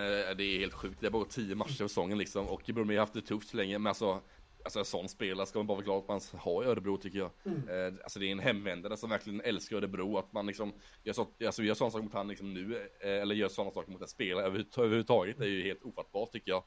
Eh, alltså han älskar Örebro och jag tycker att fansen älskar han också för att liksom, han är ju den karaktären den spelaren är och liksom, hans hjärta och hans liksom, driv och hans ja, potential, potentiella då, målproduktion och poängproduktion då, som kommer att komma igång. Bara inte än så länge men det kommer komma igång senare tror jag. Eh, Exakt. Och, och framförallt i slutspel sen så kommer det otroligt viktigt för Örebro. Mm. Och det är likadant med, jag tittade på fjolårssiffrorna faktiskt, att Robin Kovacs, det dröjde faktiskt 11 matcher innan han gjorde mål i, i Örebro mm. i fjol och då så vann han interna poängligan sen på över 40 poäng. Så att alltså det kan gå fort när du väl får det att klaffa. Och liksom de här, jag ska säga också, det är en liten, liten, liten andel. Det är ju inte liksom den stora fanskaran, det ska vi vara på tydliga och påtala. Men hur som sagt, det är fullständigt mm. oacceptabelt mot någon typ av spelare, någon typ av människa att göra någonting sånt här. Eh, och det är fan fruktansvärt att det ska vara så här inom, eh, inom liksom samhället och inom idrotten. Det, det tar liksom under. Jag bara kände det i lördags efter man hade liksom snackat ut klart jobbet att man var nästan lite tom så här. Man bara, bara, vad gör vi? Vad sysslar vi med liksom? Så att, ja. eh, nej, jag, jag lider med, med att Bromé ska behöva utstå sådana saker och alla som behöver utstå sådana saker eh, verkligen. Och eh, annars med spelet så har Örebro ganska så mycket som man måste rätta till till den här veckan. Ja verkligen, men man ligger då liksom på en åttonde plats i Örebro, så man ligger nog där man ska ligga, kan, man säga, för de ska kanske ligga mellan 10 till 6 Mm. 10 6 tycker jag. Som ligger ändå liksom där man förväntar sig att ska ligga. Så det är ingen jätteflopp-inledning av Örebro tycker jag inte. Utan Robert, det, är som man, det är också goda, många goda tendenser också i Örebro tycker jag. Bland Robin Lien har kommit igång. Eh, gjort sju poäng på tio matcher. Man har Leo Karlsson, samma sak där. Liksom det är en spelare som har liksom, Alltså det är skillnad om det bara är toppspelarna som levererar, men nu är det tvärtom. Nu är det liksom de andra spelarna, liksom det secondary score-spelarna som levererar. Och det kan bli viktigt, för om de kommer igång nu, ja men vad händer sen när, när toppspelarna kommer igång på riktigt? Ja men då är ju alltså Örebro liksom ett topp, topplag i SHL om verkligen Abols, um, liksom Bromé och Palma som de kommer på riktigt, då är de ett topplag hela SHL. Örebro i så fall. Exakt, även Oliver Eklind och sådana typer ja. av spelare. Ja, exakt. Man har en jättebra backsida också, Christian Eck med, med, med, flera. Så att, alltså, det finns och Wijk har varit bra också. Precis, så att det finns ju spelare. Men det gäller ju bara att få ut det här nu och få ut den här kapaciteten. Och det är ju lättare sagt än gjort. Men, men eh, det finns ju någonting och hade, jag skulle inte säga att det, om det inte var någon som levererade i Örebro då hade, ju varit liksom, då hade man ju rasat ner i tabellen. Man är ju ändå på en Mm. ganska bekväm plats som du väl Ja. säger. Och man kanske inte kan ha så mycket mer förväntningar på det här laget som det är nu. Då kanske man måste ha in någon ytterligare förstärkning om man ska kunna ta och utmana typ om en topp 4 eller topp 6 plats. Så att, eh, Ja men så är det verkligen. En forwardsförstärkning behöver man få in i så fall för att kunna Mm. utmana dem topp 6-plats tycker jag. Eh, Men alltså får man igång liksom alla enheter ordentligt, och få igång Bromé och få igång men då är man liksom ett farligt, farligt lag. Med tanke på sin liksom, defensiva stabilitet och sin fantastiska målsida också. Som det liksom är egentligen. Så liksom, får man liksom igång bara offensiva, liksom, de här sista spjutspetsarna, får man igång dem på riktigt. Så kommer man verkligen skjuta upp tabellen, tror jag. absolut. Men som sagt, eh, eh, det var Örebros vecka det och nu så ska vi eh, bege oss mot Värmland och till Färjestad där Färjestad har tagit en vinst och en förlust denna veckan. Man gjorde ju noll mål i torsdags borta mot Luleå och gör man noll mål, ja, då vinner man inga matcher helt enkelt. Ja, och, en 3-0 torsk mot torsdags i Luleå då. Men om att inte göra mål, ja men då vaknade ju den liksom värmländska björnen igång i lördags borta mot Frölunda. Man tog några bärs och verkligen firade eh, och gjorde en hel fest där i Göteborg eh, Färjestad med hela sju gjorda mål framåt och Theo Lennström, vilken, vilken, vilken, vilken back det där är. Ja. Jag fattar inte hur han inte kan spela i NHL. Alltså det Nej. där målet som han gör. Alltså det är ju alltså. Oh my god säger jag bara. Alltså det är bland det sjukaste jag sett i SHL. Alltså han är ju totalt dominant. Han gör ju vad han vill nästan till. Det är ju lekstuga. Alltså i, i det. Och nej, alltså han är en fröjd att få se i SHL och alla Färjestadare ska vara enormt tacksamma att han inte spelar borta på andra sidan pölen. För den kapaciteten tycker jag faktiskt han har. Alltså SHLs bästa back tillsammans med Pudas i Skellefteå helt klart. Och jag undrar om han inte till och med är vassare just nu. För att Alltså den formen han eh, har liksom. Det är otroligt liksom. Sen måste jag även lyfta faktiskt Henrik Björklund som jag tycker har varit Ja. jätteimponerade. Alltså har tagit det här steget till SHL på ett alldeles yppligt vis. Som inte får så heller mycket cred eller rubriker. Jag tycker han ser jättespännande ut. Men jag håller helt, till kommer också att Henrik Björklund är väldigt imponerad över hans liksom, övergång från eh, Karlskoga och Hockeysvenskan till att liksom, ta steget upp till SHL. Det fanns ändå en, en hel del kanske press och en hel del liksom, förväntningar på honom med tanke på att han hade levererat så pass mycket Hockeysvenskan under många, många år. Eh, men att han liksom kom upp till SHL liksom, eh, och göra på, på det här sättet liksom, det är otroligt imponerande tycker jag. Alltså, is- han kan alltid han gjorde två mål i lördags, men han Alltså det är inte bara mål han bidrar med, han bidrar också med framförallt liksom en karaktär och en god arbetskapacitet och liksom en vilja och en kämpaglöd. Liksom han krigar in i det sista tycker jag och han är liksom otroligt, otroligt bra eh, och nyttig tillgång för Färjestad tycker jag. Och sen Tomkins gör ju en jättebra match mot eh, Ja. Frölunda. För att alltså 3-7, det, det spelar kanske inte matchbilden om man ser det till, för er som såg matchen nu när kameran var avdragen just också. Men för er som har sett matchen i efterhand. Eh, så, så spelar det kanske inte matchbilden riktigt. Alltså om man ser till chanser och sådär. Frölunda är ändå med under långa stunder och skapar chanser. Sen rinner det iväg. Men jag tycker Matt Tomkins gör det jäkligt bra alltså. Ja men verkligen, jag är också imponerad över Färjestad att man liksom, liksom få igång som fyra enheter direkt tycker jag. Så man har fyra enheter som bara tuggar på. Eh, jag tycker att det är inte många lag som har kanske så här fyra tunga enheter. Liksom det är Frölunda och Färjestad som har liksom så här fyra riktigt tunga enheter som bara trycker på. Som kan leverera både offset men framförallt även defensivt också. Ehm, och då tycker jag att Färjestad har fått igång de alla, enheter, alla enheter direkt och ut på ett väldigt imponerande sätt. Så det är också imponerande tycker jag i Färjestads läget. Verkligen. Det blåser i trä i Karlstad idag. Ja, det ju- kan man lugnt det, säga. Det kan man lugnt säga. Gamla Sven-Ingvars klassikern. Alltid lika Ja, den är härlig när den kommer igång. Där Ja. Sen måste jag säga, folkfest. jag måste säga, Karlstad, Löfbergs Arena, bästa pressfikan i Sverige. Oh, Ja, ja. där är det. det är alltså, du har varmkorv, du, nykokt varmkorv du kan ta och så har du fikabuffé och så har de, jag tror hon heter jag tror Solveig tror jag. Jäkligt schysst pressvärd. Fantastisk service och det är alltid leende på läpparna när man kommer dit. Och dessutom, vi såg ju på um, eh, TV4 hade ju uppe en sån här med eldsjälar eh, här i ja eh, just det, veckan. just det. Eh, där det var, vad hette han nu? Nu ska vi se om jag får upp det. Eh, Jag tycker det var så jäkla fint. Han hade liksom varit i klubben sen, sen eh, i mitten utav liksom 70-talet och liksom Ja, exakt. stöttar upp och är Eh, måste ha hans namn här bara så Jag gillar den här serien, det, i Hockeyhjärta-serien är det på Simon som så här, rullar igång. Jag tycker den är väldigt rolig och en väldigt intressant eh, liksom, dokumentär att följa liksom, de här eldsjälarna och följa de som jobbar liksom, i klubben och varit det i många, många år och verkligen kan berätta sina historier om vad som har hänt och liksom, ja men det är väldigt intressant och lärorikt tycker jag att eh, kolla på de Hockeyhjärtans eh, dokumentärsavsnitten.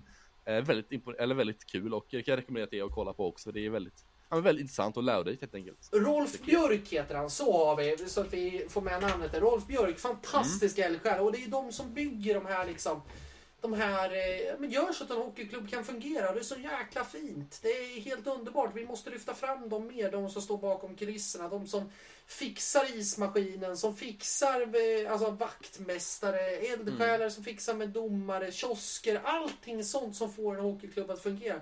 Alltså den, den powern är otroligt.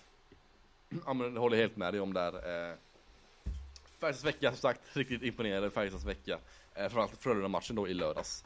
Eh, där Theo Lennström hade show och där Henrik Björklund hade show där med två gjorda mål och det blev en folkfest där i Göteborg för värmlänningarna. Men nu, på tal om att inte ha folkfest, hade nog inte skåningarna det.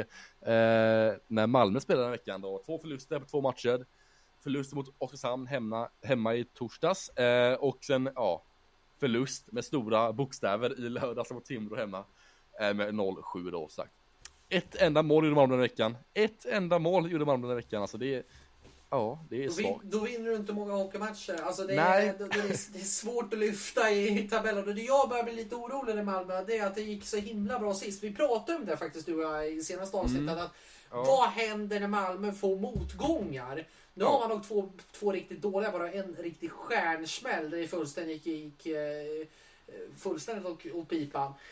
Det ska bli intressant nu den här veckan att se hur Malmö kan studsa tillbaka. Kan man hitta tillbaka till den här kollarhockeyn som har varit Mm. framgångsrik, där man spelar för varandra. Det gjorde man inte den här veckan. Och det är så här, för ett Malmö som inte har den kanske spetsigaste spelartruppen, det är att alla, nu ska jag dra en klyscha här, men att alla är på jobbet varenda dag. Oh, Riktigt klyschan direkt.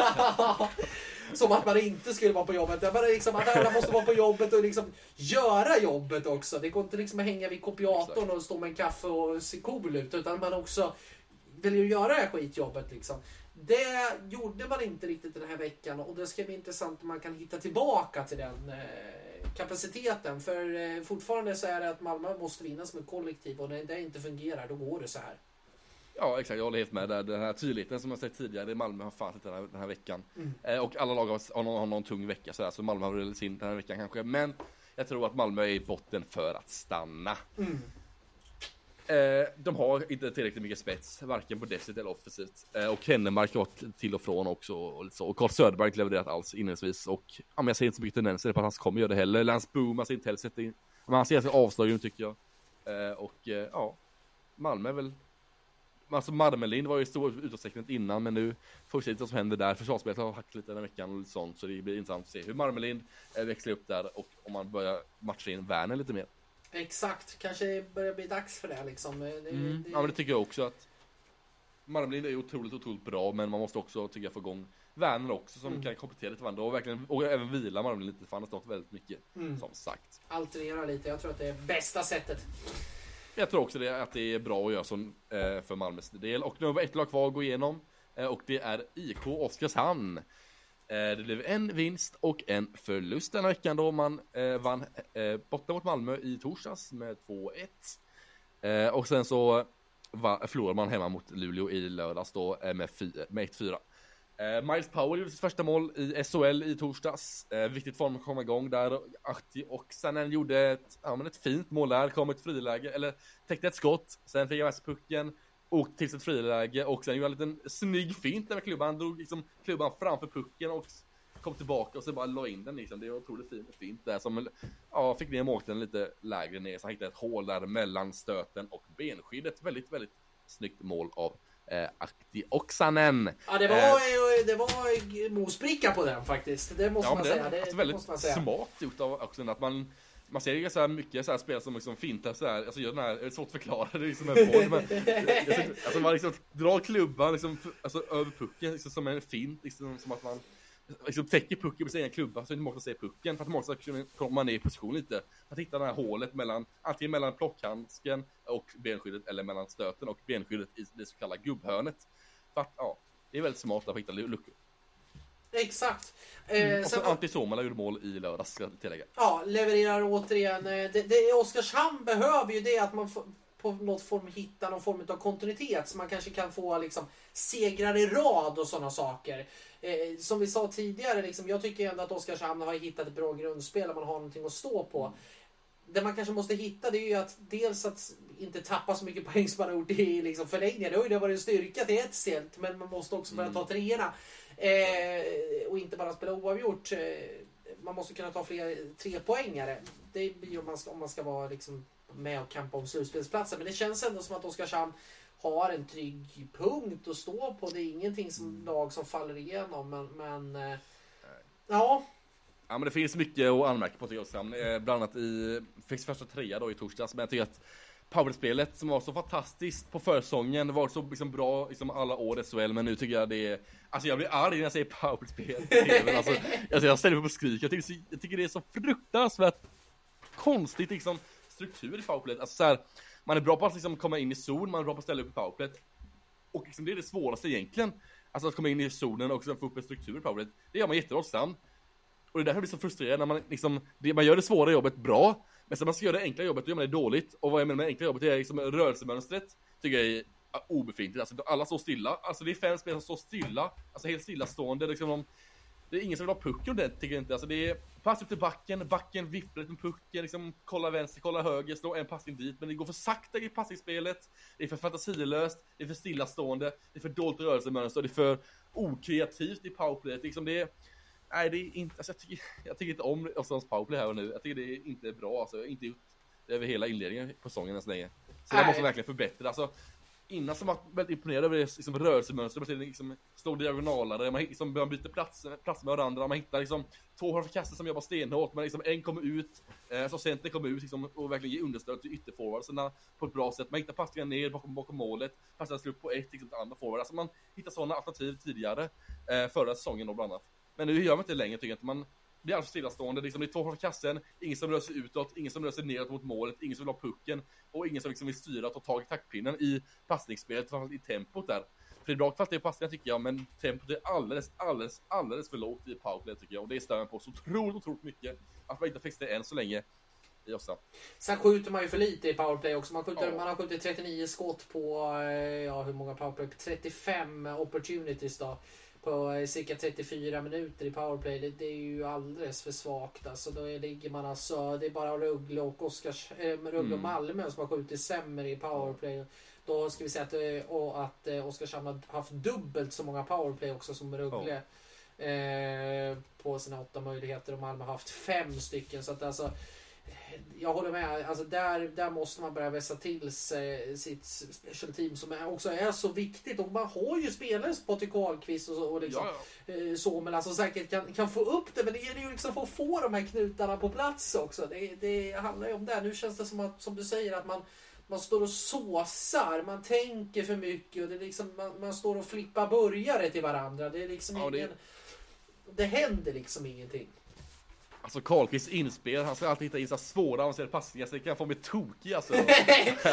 Slår du näven i bordet då efter? ja, jag, nej, jag ställer mig upp och skriker jag tänkte, men jag bor ju själv så jag ställer mig upp och bara Jag är så arg liksom när jag ser det där. För jag tänker alltså han gör det hela tiden, alltså alltid med så små korta passningar liksom in till centern, så det går inte. Han är markerad två spelare. Det ser man så tydligt liksom att han är markerad två spelare, det går inte. Det går inte att stå de passningarna, alltså det är så obefintligt så det finns inte. Det går alltså, inte. Fil- alltså, man måste, alltså, Mikael Holmqvist måste verkligen få ordning på detta powerplay här och nu, för det, här, det håller inte. Alltså, det är, man ser så tydliga tendenser på vad som är problemet och man måste, alltså, jag stör på att man inte gör någonting åt det. Alltså det, så, ser ut som varje, varje match.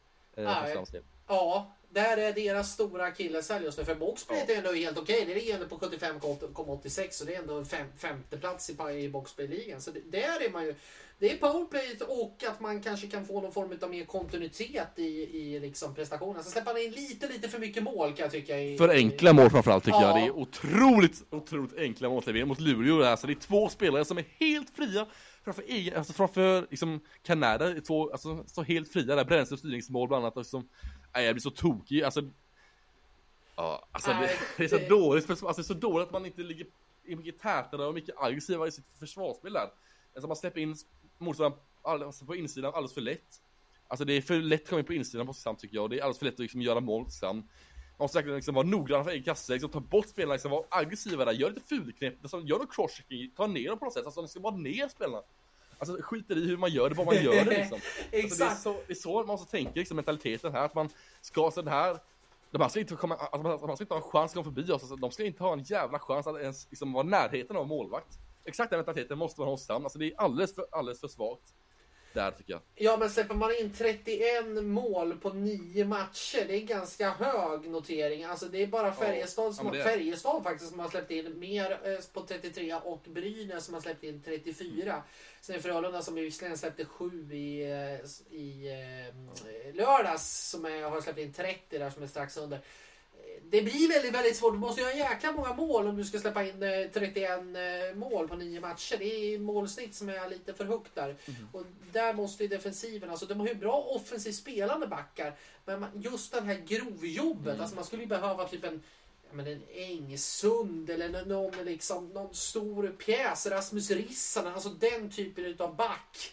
Som liksom kan gå in och boxa bort och liksom jag tycker man är för svag framför egen Ja, kasse som klart. du säger. Alldeles, alldeles för svag framför egen kasse. Ja verkligen tycker jag, och så tycker jag också att, eh, alltså i försvarsspelet så, det är jag inte så orolig för, för Filander är ju liksom en backspecialist och är bra på försvarsspel, så han vet jag att han kommer utveckla försvarsspelet och kommer bli bra så i framtiden, så det är inte orolig för, jag är orolig för powerplay som sagt, att, eh, ja men det är jag mer orolig för, för att just, eh, det är inte han som styr powerplay, det är Micke Holmqvist som styr powerplayet, och jag har sett tendenser på att det inte har förbättrats. Eh, liksom, Torsten vill spela 10 matcher på säsongen nu. Det verkligen måste börja hända någonting där. Så det är inte så ett nytt mönster, en ny struktur där. Så det är samma struktur och samma, liksom, ja, samma tillvägagångssätt i powerplayet och det gillar jag inte. Det måste man verkligen få i ordning på.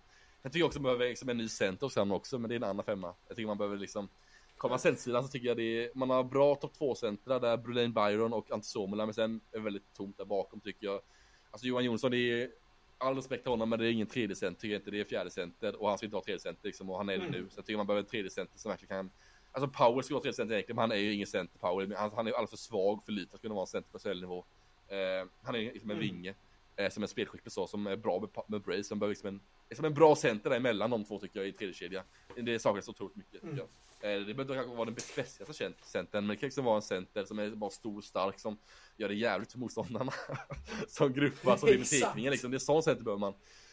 Tycker jag.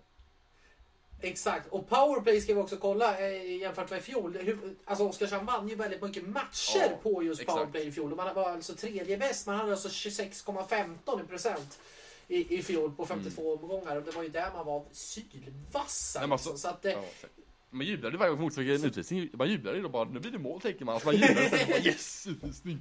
Så blir det mål. nu är det bara så här, nej, nej, vi ska spela fem mot fem. Ja, exakt. det är Ja, liksom, vi, vi ska inte vara här, vi ska liksom... Ja, sen, ja men det är ju ja. det är helt, helt rätt liksom. Exakt, Det, är, exakt. det är bra spaningar. Eh, Ja men det var denna veckan då, alla SHL-matcher denna veckan och alla SHL-lag som gått igenom nu. Och nu är det dags då för veckans härliga och varma segment och veckans hetaste såklart snackar jag om. Och vi börjar direkt tycker jag. Här har vi mycket av, här har vi mycket av Det-. Här är det... Kan vi förlänga programmet Ja, liksom ja. en och en halv timme typ? Så jag tänker också, men vi börjar direkt med veckans hetaste händelse och det finns ju, alltså det är svårt att blunda för händelsen. Det är ju såklart det som hände förra måndagen då, Isak Brännström skrev på för HV71. Ett treårskontrakt enligt Sportbladets rapporter. Ja, vilket kaos det har blivit efter det här avslöjandet. Ja. Ja, snacka om sprängstoff om man säger så liksom. Det, det exploderade fullständigt uppe i Norrbotten och, och hela Hockeysverige egentligen. Eh, alltså till början med så, så tycker jag, ska jag säga lite vad jag Ja, säg vad du tycker här om själva, så- själva liksom det här att man kan se på för andra Mm. lag så här redan i oktober. Det är intressant att höra. Mm. Det finns två delar i det här. Eh, jag tycker ju att jag tycker supportrarna gör det fullständigt fel om jag ska vara ärlig faktiskt. Jag tycker att det är bedrövligt och framförallt hur, hur som vi snackade tidigare, de här som tar det ett steg för långt. Mm. Men även liksom, alltså det här, han ska inte spela i vår tröja, han ska inte, alltså så här ser spelarmarknaden ut. Och Don't hate the player, hate the game. Alltså när, när det ser ut så här, det, det är ett system. Jag kan också tycka att det är fel att spelare ska, ska kunna skriva på redan i, i eh, liksom, november eller kan skriva på när som helst till ett kontrakt liksom. Eh, när ett kontrakt löper Mm. ut. Men det är ju så här reglerna ser ut och så ser de ut för alla lag. Och liksom i Brännströms fall, som jag tror inte ens att många tänker på, han ska bli pappa. Ja. Hans fru, eller hans sambo då, då är ju eh, från Jönköpingstrakten. De har hela familjen runt där. Om HV då lockar och säger att, att eh, nej men eh, du kan komma hit, vi kan fixa så att du får en ledande roll här alltså. Alltså det är svårt att inte säga nej när han själv kanske känner att familjesituationen, alltså det är ändå, vad är det mellan HV och Jönköping? Eller mellan HV och Jönköping? Ja, det är så långt. det är inte alls långt. Mellan Luleå och, och Ja, det- eh, Jönköping är det betydligt längre. Det kan vi säga, det, det är 150 mil eller Ja, det är långt. Alltså, det är ingenting man kommer över på en fika. Eller, alltså, när man ska bli pappa för första gången, det handlar om familjesituationen. Man måste kunna acceptera att spelare är människor, det är inga robotar. Och hur ska liksom han ens kunna prestera om, om det inte funkar vid sidan av isen? Sen har folk säger att han ska flytta direkt och man kan inte ha kvar honom i laget. Han har levererat typ bäst av Ja, alla i. Luleå så här långt. Alltså, exakt. Så att jag tycker att det är, det, det är ett systemfel och SHL borde kanske ha lite mer som NHL där du har restrikter, alltså datum där spelare kan skriva på. Och fotbollen har ju likadant. Där är det ju sex månader som gäller. Sen, måste du, sen eh, kan du börja prata med klubbar. Mm. Där måste SHL eh, titta över de reglerna. Men absolut, skäll definitivt inte på Isak Brännström. Never in my life. Jag blir bara förbannad på supportrar som ska göra det. Och man skriver att alltså, han är professionell och han kommer fullfölja det här kontraktet och göra allt för Luleå. Det är jag fan säker på. Så, så ge honom en chans. Alltså, han har ju presterat. Han kan ju inte göra Nej, mer människan. Liksom. Ja, men jag håller med. Och man kan inte liksom... med. Och man, man, kan, man kan inte liksom förvänta sig heller som supporter att en spelare ska tacka nej till sånt när det finns familjeskäl och sådana saker bakom. Man kan inte acceptera, man kan inte liksom säga heller att äh, men jag kommer i, i april, maj när serien är slutspelad. HV kanske vill sätta sin trupp redan nu och då, då hade loppet gått. Och, och det, det är svårt att få tag på hockeyjobb nu också med, eh, med KHL och sådana saker eh, som inte är med i matchen heller nu av, av förklarliga skäl. Så att, eh, det, det, det är konkurrens om de här platserna och är en familjesjäl, han ska bara få gå. Det, man måste kunna behandla människor som människor. Och det här som att, alltså det kan man jämföra om vi skulle flytta över våran podd eller om jag skulle flytta över till ett annat företag. Alltså säger någon, han kanske redan har fått beskedet av Luleå, det vet vi inte heller, nu tror jag inte det, men han kanske har fått beskedet att nej, du kanske inte kan bli kvar här, du kanske måste se dig om annat, eller du kanske får gå ner i lön, eller du kanske, kanske kunna få en inte lika utpräglad roll. Alltså det finns så många parametrar som supportrar inte tar liksom tanke på. Exakt, det finns en fler aspekter tycker jag också. Detta. Tänk, tänk dig så här, om två månader, Brännström åkt på en korsbandsskada. Han utgår kontrakt, liksom, vad, ska, vad kommer hända då? Alltså, det, de, han måste liksom planera sin framtid här och nu. Alla spelar ju så. Det har alltid varit så och det kommer alltid vara så. Eller förmodligen kommer alltid vara så också. För men det går ju inte att förhindra spelare att signa för andra klubbar i så här tidigt skede. Alla är säkert professionella så alla kommer ju liksom göra det så bra som möjligt för sitt lag och alla är så professionella som möjligt. Men vad händer om man får korsbandsskada eller en långvarig skada som gör att han missar i flera månader? Liksom, kommer HV vilja ha honom då? Ja, kanske inte lika mycket. Kommer han få samma lön? Nej, kanske inte. Nej. Alltså så, Exakt. liksom, man fattar ju Brännström också. Tänk som, han vill säkra upp sin framtid, han ska få barn liksom. Han måste ha liksom bra pengar, liksom. Ha liksom ett bra bo, boende, liksom, bo nära familjen i Nässjö där. Eh, som ligger nära Jönköping och där han är uppväxt ifrån. Eh, och har familjen. Mm. Så jag fattar ju Isak Brännström till 110%, det gör man ju såklart. Eh, så jag tycker det är liksom, det är fel att hota, allt är ju så, fel att gå ut så. Men Brännström, alltså ju, han måste ju också säkra upp sin framtid och säkra upp liksom, ja, vad han ska spela nästa säsong. Det kan också liksom vara en frihet för honom kanske, ja men nu vet jag liksom Jag har haft en klump i magen sen, ja, vad ska man göra nästa säsong och så Men nu kanske det har släppt för honom, kanske han kan fokusera ännu mer på hockey istället. Och det gynnar ju Luleå. Exakt. Så jag, så jag tycker inte Exakt. man, så jag kritiserar Isak Brännström som sagt, det är systemet i så fall som man ska ha åsikter om. Men det är så här det funkar och alla sportchefer jobbar ju likadant, alla sportchefer har sitt lag så klart tidigt som möjligt för att kunna sätta en struktur och liksom verkligen kunna liksom veta hur man ska hantera lag sen när de väl kommer sen i maj eller juni Ja, Så- ja men man ska ja. bara veta hur många, hur många för- förhandlingar som inte sätts i ljuset. Alltså det är ganska många som inte sätts i ljuset som, som sker redan nu. Jag vet ju, vet ju att Örebro har även plockat så här tidigt Ja, ja. vid tidigare tillfällen. Flera spelare så som Robin Kovacs som visserligen som gick över direkt, Emil Larsson bland annat. Alltså det finns så många som inte sätts i ljuset också som ändå fullföljer och är ledande spelare i deras klubbar och, och håller liksom fanan uppe tills man byter klubb. Det, det är så här systemet fungerar och det är bara att köpa det. Alltså det, det är ingenting man, man, man liksom... Och det är likadant, han informerar ju också Luleå. Han är ju liksom rakryggad och informerar att jag, jag kommer flytta över nu. Ni kanske behöver se, se er efter en ersättare till mig för jag Mm. Ja. kommer lämna. Alltså det, Det är är kanon. helt Så det är- fine. Alltså, Ja. Får man mer tid också, Luleå att planera det? lagbygge också. Ja, men då gör vi så här istället och värvar in den spelaren. För om han hade tvekat och inte sagt någonting och sen liksom i, kanske i, ja men mars, då vill han lämna Luleå och bli klar för, Lu- för uh, Hockeyet. Ja men de har gått bet kanske 5-6 toppspelare istället, Luleå. Eh, som man kan värva in en säsong istället. Så liksom, det är bra att för Luleås del också att han säger så att han inte vill vara kvar i Luleå nästa säsong. För då kommer liksom börja bygga ett lag redan här och nu. Värva in fler toppspelare till nästa säsong. Eh, som han egentligen har gått bet på egentligen. Eh, men ändå haft samma utfall då med tanke på den som kommer lämna. Så liksom det, jag tycker, gynnar alla parter, kanske eh, blir väldigt så här. Ja men det kanske inte, kanske tycker om jag säger det, men det gynnar ändå många parter ur många, aspekt, många aspekter tycker jag. Eh, och man får se det på ett olika perspektiv tycker jag och eh, vä- väga in alla delar för att kunna ta ett beslut. Så jag, jag tycker, jag tycker inte det är något fel egentligen att det här systemet finns, för det är ju så här det ser ut och det är liksom, det är så här man vill jobba. Alltså, jag, tänk dig du själv är sportchef liksom, du vill liksom ha ett lag klart så tidigt som möjligt. Vi ser bland annat på Blaine Byron, blev klar för Oskarshamn i det här skedet säsongen. Vad det med han? Jo, han vann poängligan och blev bästa spelaren och vann MVP i hela tyska ligan. Alltså det spelar liksom de professionella som fullföljer säsongen och gör sitt bästa ändå. Så liksom, det är inte så här mycket man kan kritisera liksom spelarna så, som sagt. Eh, så jag tycker det är ändå, jag, jag tycker ändå, jag- alltså jag ska säga emot men jag tycker ändå det är ett bra system som ska vara långvarigt och jag tycker det är inte något fel i det här systemet egentligen, för det är liksom ett system som passar många. Och det kan ju vara tvärtom, att Luleå var in och spelar nu helt enkelt. Säg att Luleå var in, typ Glenn Gustafsson från Växjö. Hur hade det varit då i Luleå? Då hade alla jätteglada. Och Växjö, alltså, det, så här, det funkar så som överallt, inte något orättvist att Luleå inte förvärvar någonting alls innan ett visst datum, men att Brynäs förvärvar inför ett visst datum. Så alla förvärvar liksom samtidigt om de vill det, vem de vill. Så det, gynnar, alltså, det är inte så här, något orättvist är det inte, utan det är ju så här det funkar eh, och ser ut i hockeyvärlden. Mm. Ja, det, har du, det har du rätt i. Jag börjar faktiskt bli mer och mer åt ditt håll också med, med själva systemet också. Och det jag kan tycka är också att spelare, spelare var ju, eller supportrar blev ju väldigt arga att Erik Gustafsson också gick ut och försvarade Brännström och liksom det här och liksom tog verkligen avstånd och nämnde ordet business. Ja. Och det blev väldigt uppmärksammat att det här med, men så här är Ja, det ju alltså. Klubb, klubbar är företag, klubbar är liksom, vissa är liksom aktienoterade. Alltså, vi, har liksom eh, klu- klubbar som omsätter över 100 miljoner Mm. vissa.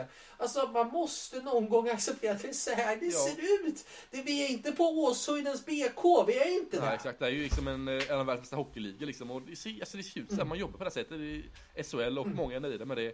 Alltså sett till sportchef och sånt. Så är det klart många fans som inte är nöjda med det, men det är bara för att gynna deras lag, eller missgynna deras lag eller så. Men man måste se det från olika perspektiv tycker jag. Och liksom, ja, som sagt, det är väldigt viktigt att se det ur alla perspektiv för att kunna ta beslut. Och jag tycker det är inget fel med systemet egentligen. Jag tycker det är så, så här det ser ut helt enkelt.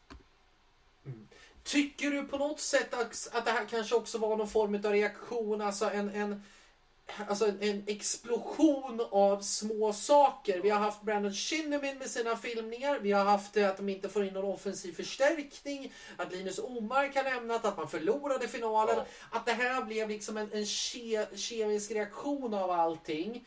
För supporterna. Att det blev så mycket som, som har varit negativt kring Luleå. Man hade en halvdan säsongstart. Att det är någonting sånt. Att till sist fick det liksom rann bägaren över på, på helt eh, oacceptabla eh, Mm. proportioner ska Ja, vi säga också.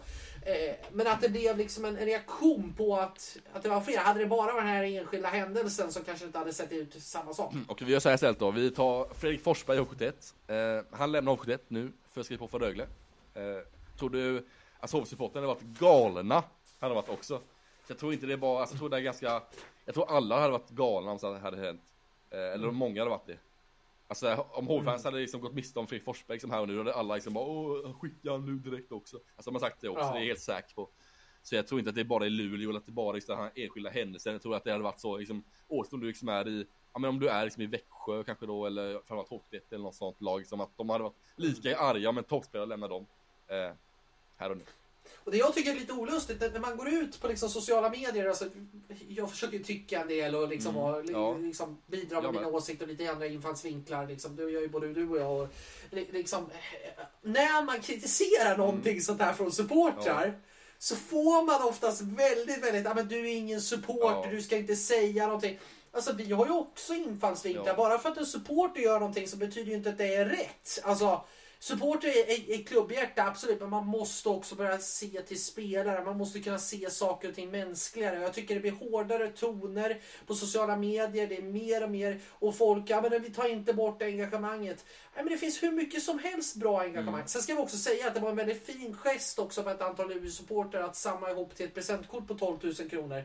Mm. Eh, till eh, Brännström eh, och hans flickvän nu på någon form av baby, ja, men, s- barn, eller grejer, företag som säljer det. Eh, nu här. Som liksom, och jag hörde också att det var jubel också när han har presenterats på line-upen. Så det har inte varit någonting Mm. sånt. Och det är bra att det inte tas för... Och jag tror att det kommer blåsa av Ja, också. så är det är liksom briseringen och, och vindarna som kommer där, sen kommer det lägga sig. Men bara att det ska bli så här, Mm. alltså jag, jag tycker det, det, det, det är beklagligt. Jag lider Med- ja, med Brännström som också är fantastisk som både spelare och människa vet Vi jag. snackade om Gustav tidigare så är det att han gick ut och men Problemet med hans uttal var nog inte att han kritiserade just eh, de här enskilda individerna Problemet var att han liksom kritiserade hela Luleå-fans-skaran Mm. Och det här blir ett problem tycker jag För jag tycker att man ska kritisera de enskilda individerna som gör det här dumma. För det finns, alltså det är väldigt fåtal människor som gör det Som sett över hela fanskaror.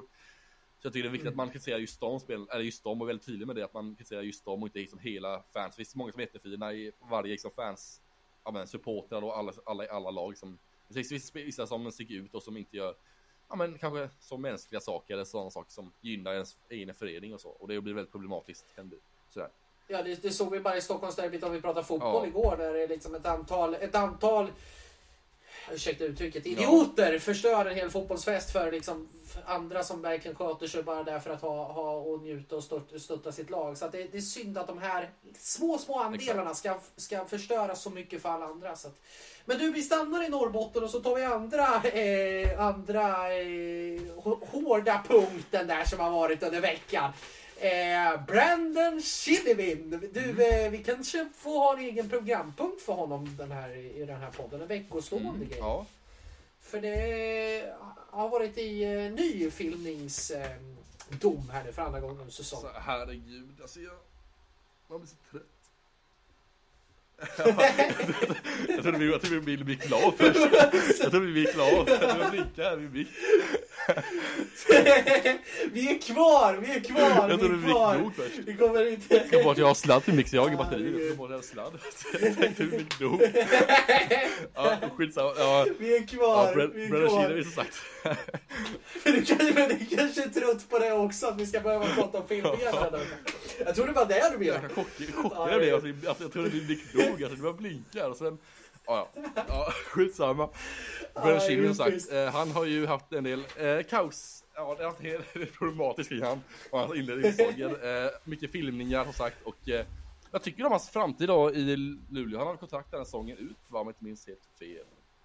Ja då, han exakt. Ska man förlänga han eh, eller inte, tycker du? Alltså bortsett från filmningar och allt skit han gör utvisen. Mm. Vad tycker? Hur, hur tycker du han är som hockeyspelare?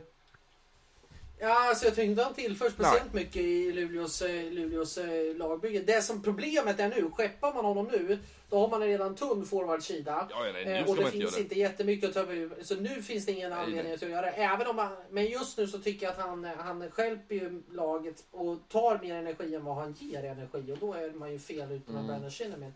Eh, det är väl den åsikten jag har kring, kring det. Alltså att han, han når inte upp till den nivån han behöver ha, hålla. Och sen de här dumma grejerna. Nu fick han, har han gått upp till försvar själv med, med att han var någon form av blodig Ja, handske och att han fick en så här, Exakt, en riktig selfie där. Men alltså, det håller ju inte riktigt hela vägen heller. Liksom. Sen, sen vet jag inte, hade vi varit för tio år sedan så tror jag inte det hade lagts lika mycket fokus på det här. För just nu så Ja, så varenda ja, bildformat och det är liksom Jag tror inte vi hade, det hade det- alltså ibland kan det här bli filmer också bli så här en stor isberg som bara kommer emot liksom, eh, ja, men hela hockeysfären i SHL just nu. Eh, hade det varit för tio år sedan så hade vi inte haft ungefär samma del eh, i och med att varenda bildsekvens eh, ska tydligen eh, granskas just nu. På, på gott och ont, ska jag ärligt säga. Men, men eh, ja, det, det ser ju inte bra ut. Det kan Nej, alltså Shinnimin, Jag två inte han en... fotbollsdomar han med efter tio omgångar. Eh, alltså verkligen Nej. på eller utvisning, eller utvisning, men på isen tillför han inte så mycket, tycker jag inte.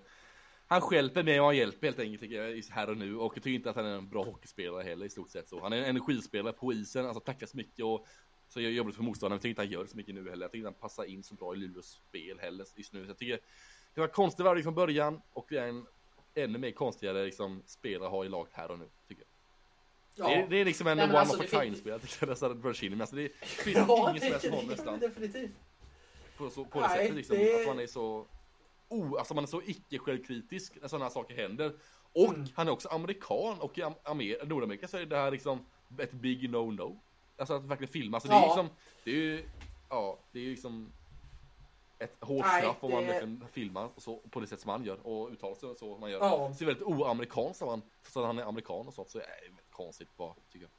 Ja, nej jag håller med dig fullkomligt. Alltså det, det, det, det är för mycket fokus på fel saker från hans del och nej, det, det håller inte. Det gör inte det alltså, i, det- i det sportsliga. Och nu ska vi också säga att vi ska, vi ska sätta sportsliga Kinnemin, vi ska inte sätta nej, människan nej. Kinnemin i det här, även, även om det, det har att göra. Men, men, men nej, det, det är... eh, Det är inte bra nog och det, det som är problemet är att det, så har man en väldigt tunn forwardsida. Hade det bara varit ett annat lag Rögle som liksom har en etablerad forwardsida, ja, Rögle eller eh, ja, men, t- Skellefteå eller nå- någonting sånt som ändå har bra spelare Mm. I, Ja. eh, offensiv. För sig har ju Skellefteå ganska tunn trupp också. Men, men, eh, ja, men Leksand eller någonting sånt, då hade han kanske rykt eh, nu liksom. Det kommer man nog inte göra. Jag har nog svårt att se det under säsongen också faktiskt. För jag, jag ser inte heller vilket SHL-lag som skulle vilja ta honom det här Nej, det finns nog inget som vill ta honom. Men nu måste, måste vi lämna Kinnemin och Luleå. För vi har fått ha kvar två kategorier i segmentet veckans hetaste som vi inte tagit upp än. Och nästa är då veckans heta spelare den veckan. Och det är Theodor Lennström i Färjestad. Ja, nej men det finns ingenting Nej. och det, det, det, det, det är så otroligt och vi var inne på det tidigare, alltså vilken fullständig klass han levererar. Alltså det är så jäkla vass. 14 poäng på 10 matcher i SHL och han, liksom, han är bra både offensivt, han är bra defensivt, han är liksom en all-around back som är liksom överallt och gör otroligt, otroligt stor, stor nytta. Eh, så Theodor Lennström är veckans het spelare enligt oss. Eh, Hur kan han inte spela i NHL? Ja, exakt. Det undrar jag också. Men vem vet, han är 28 år gammal nu. Kanske efter säsongen. Kanske är hans sista chans att gå till NHL. Vem vet? Vi får se vad som händer. Mm. Jag tror Theodor Lennström där. Eh, Men som sagt, vi går vidare till nästa punkt då som heter veckans hetaste tanke eller fundering då. Här är jag otroligt, otroligt spänd på att presentera en sak. Eller presentera en sak, men alltså ta fram detta. Eh, Och det är att jag Du har tagit ta- fram taktiktavlan här och verkligen. Ja. Det ska ju riktigt intressant Eller tack, eh, tagit fram Silly-tavlan kanske man kan säga. Mm. Eller här, jag tror att vi kommer få se en trade i SHL. Låt Problemet är bara med det här, att alla nu, jag skrev, jag skrev detta eh, manuset kan man säga, i söndags förmiddag. Och då skrev jag att Kim Rosdahl kommer att lämna Rögle, tror jag. Problemet är att- det var en himla problemet är bra att spaning. I måndags mor morgon nu när vi spelar in det här, eh, då kommer Expressen ut med att han kommer att lämna, så det blir inte lika roligt nu. Men jag tror att Kim Rosdahl går till Brynäs och Julius Bergman går till Rögle i en trade däremellan. Ja, För skulle inte vara för, för Rögle måste ha en inneback, en rightarback och Julius Bergman, det är en rightback, bra ålder, utgående kontrakt, ganska billig spelare att ha i laget.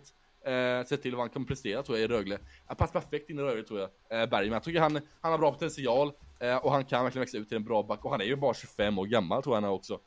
Eh, och visar klass tidigare i finska ligan bland annat och lite sånt.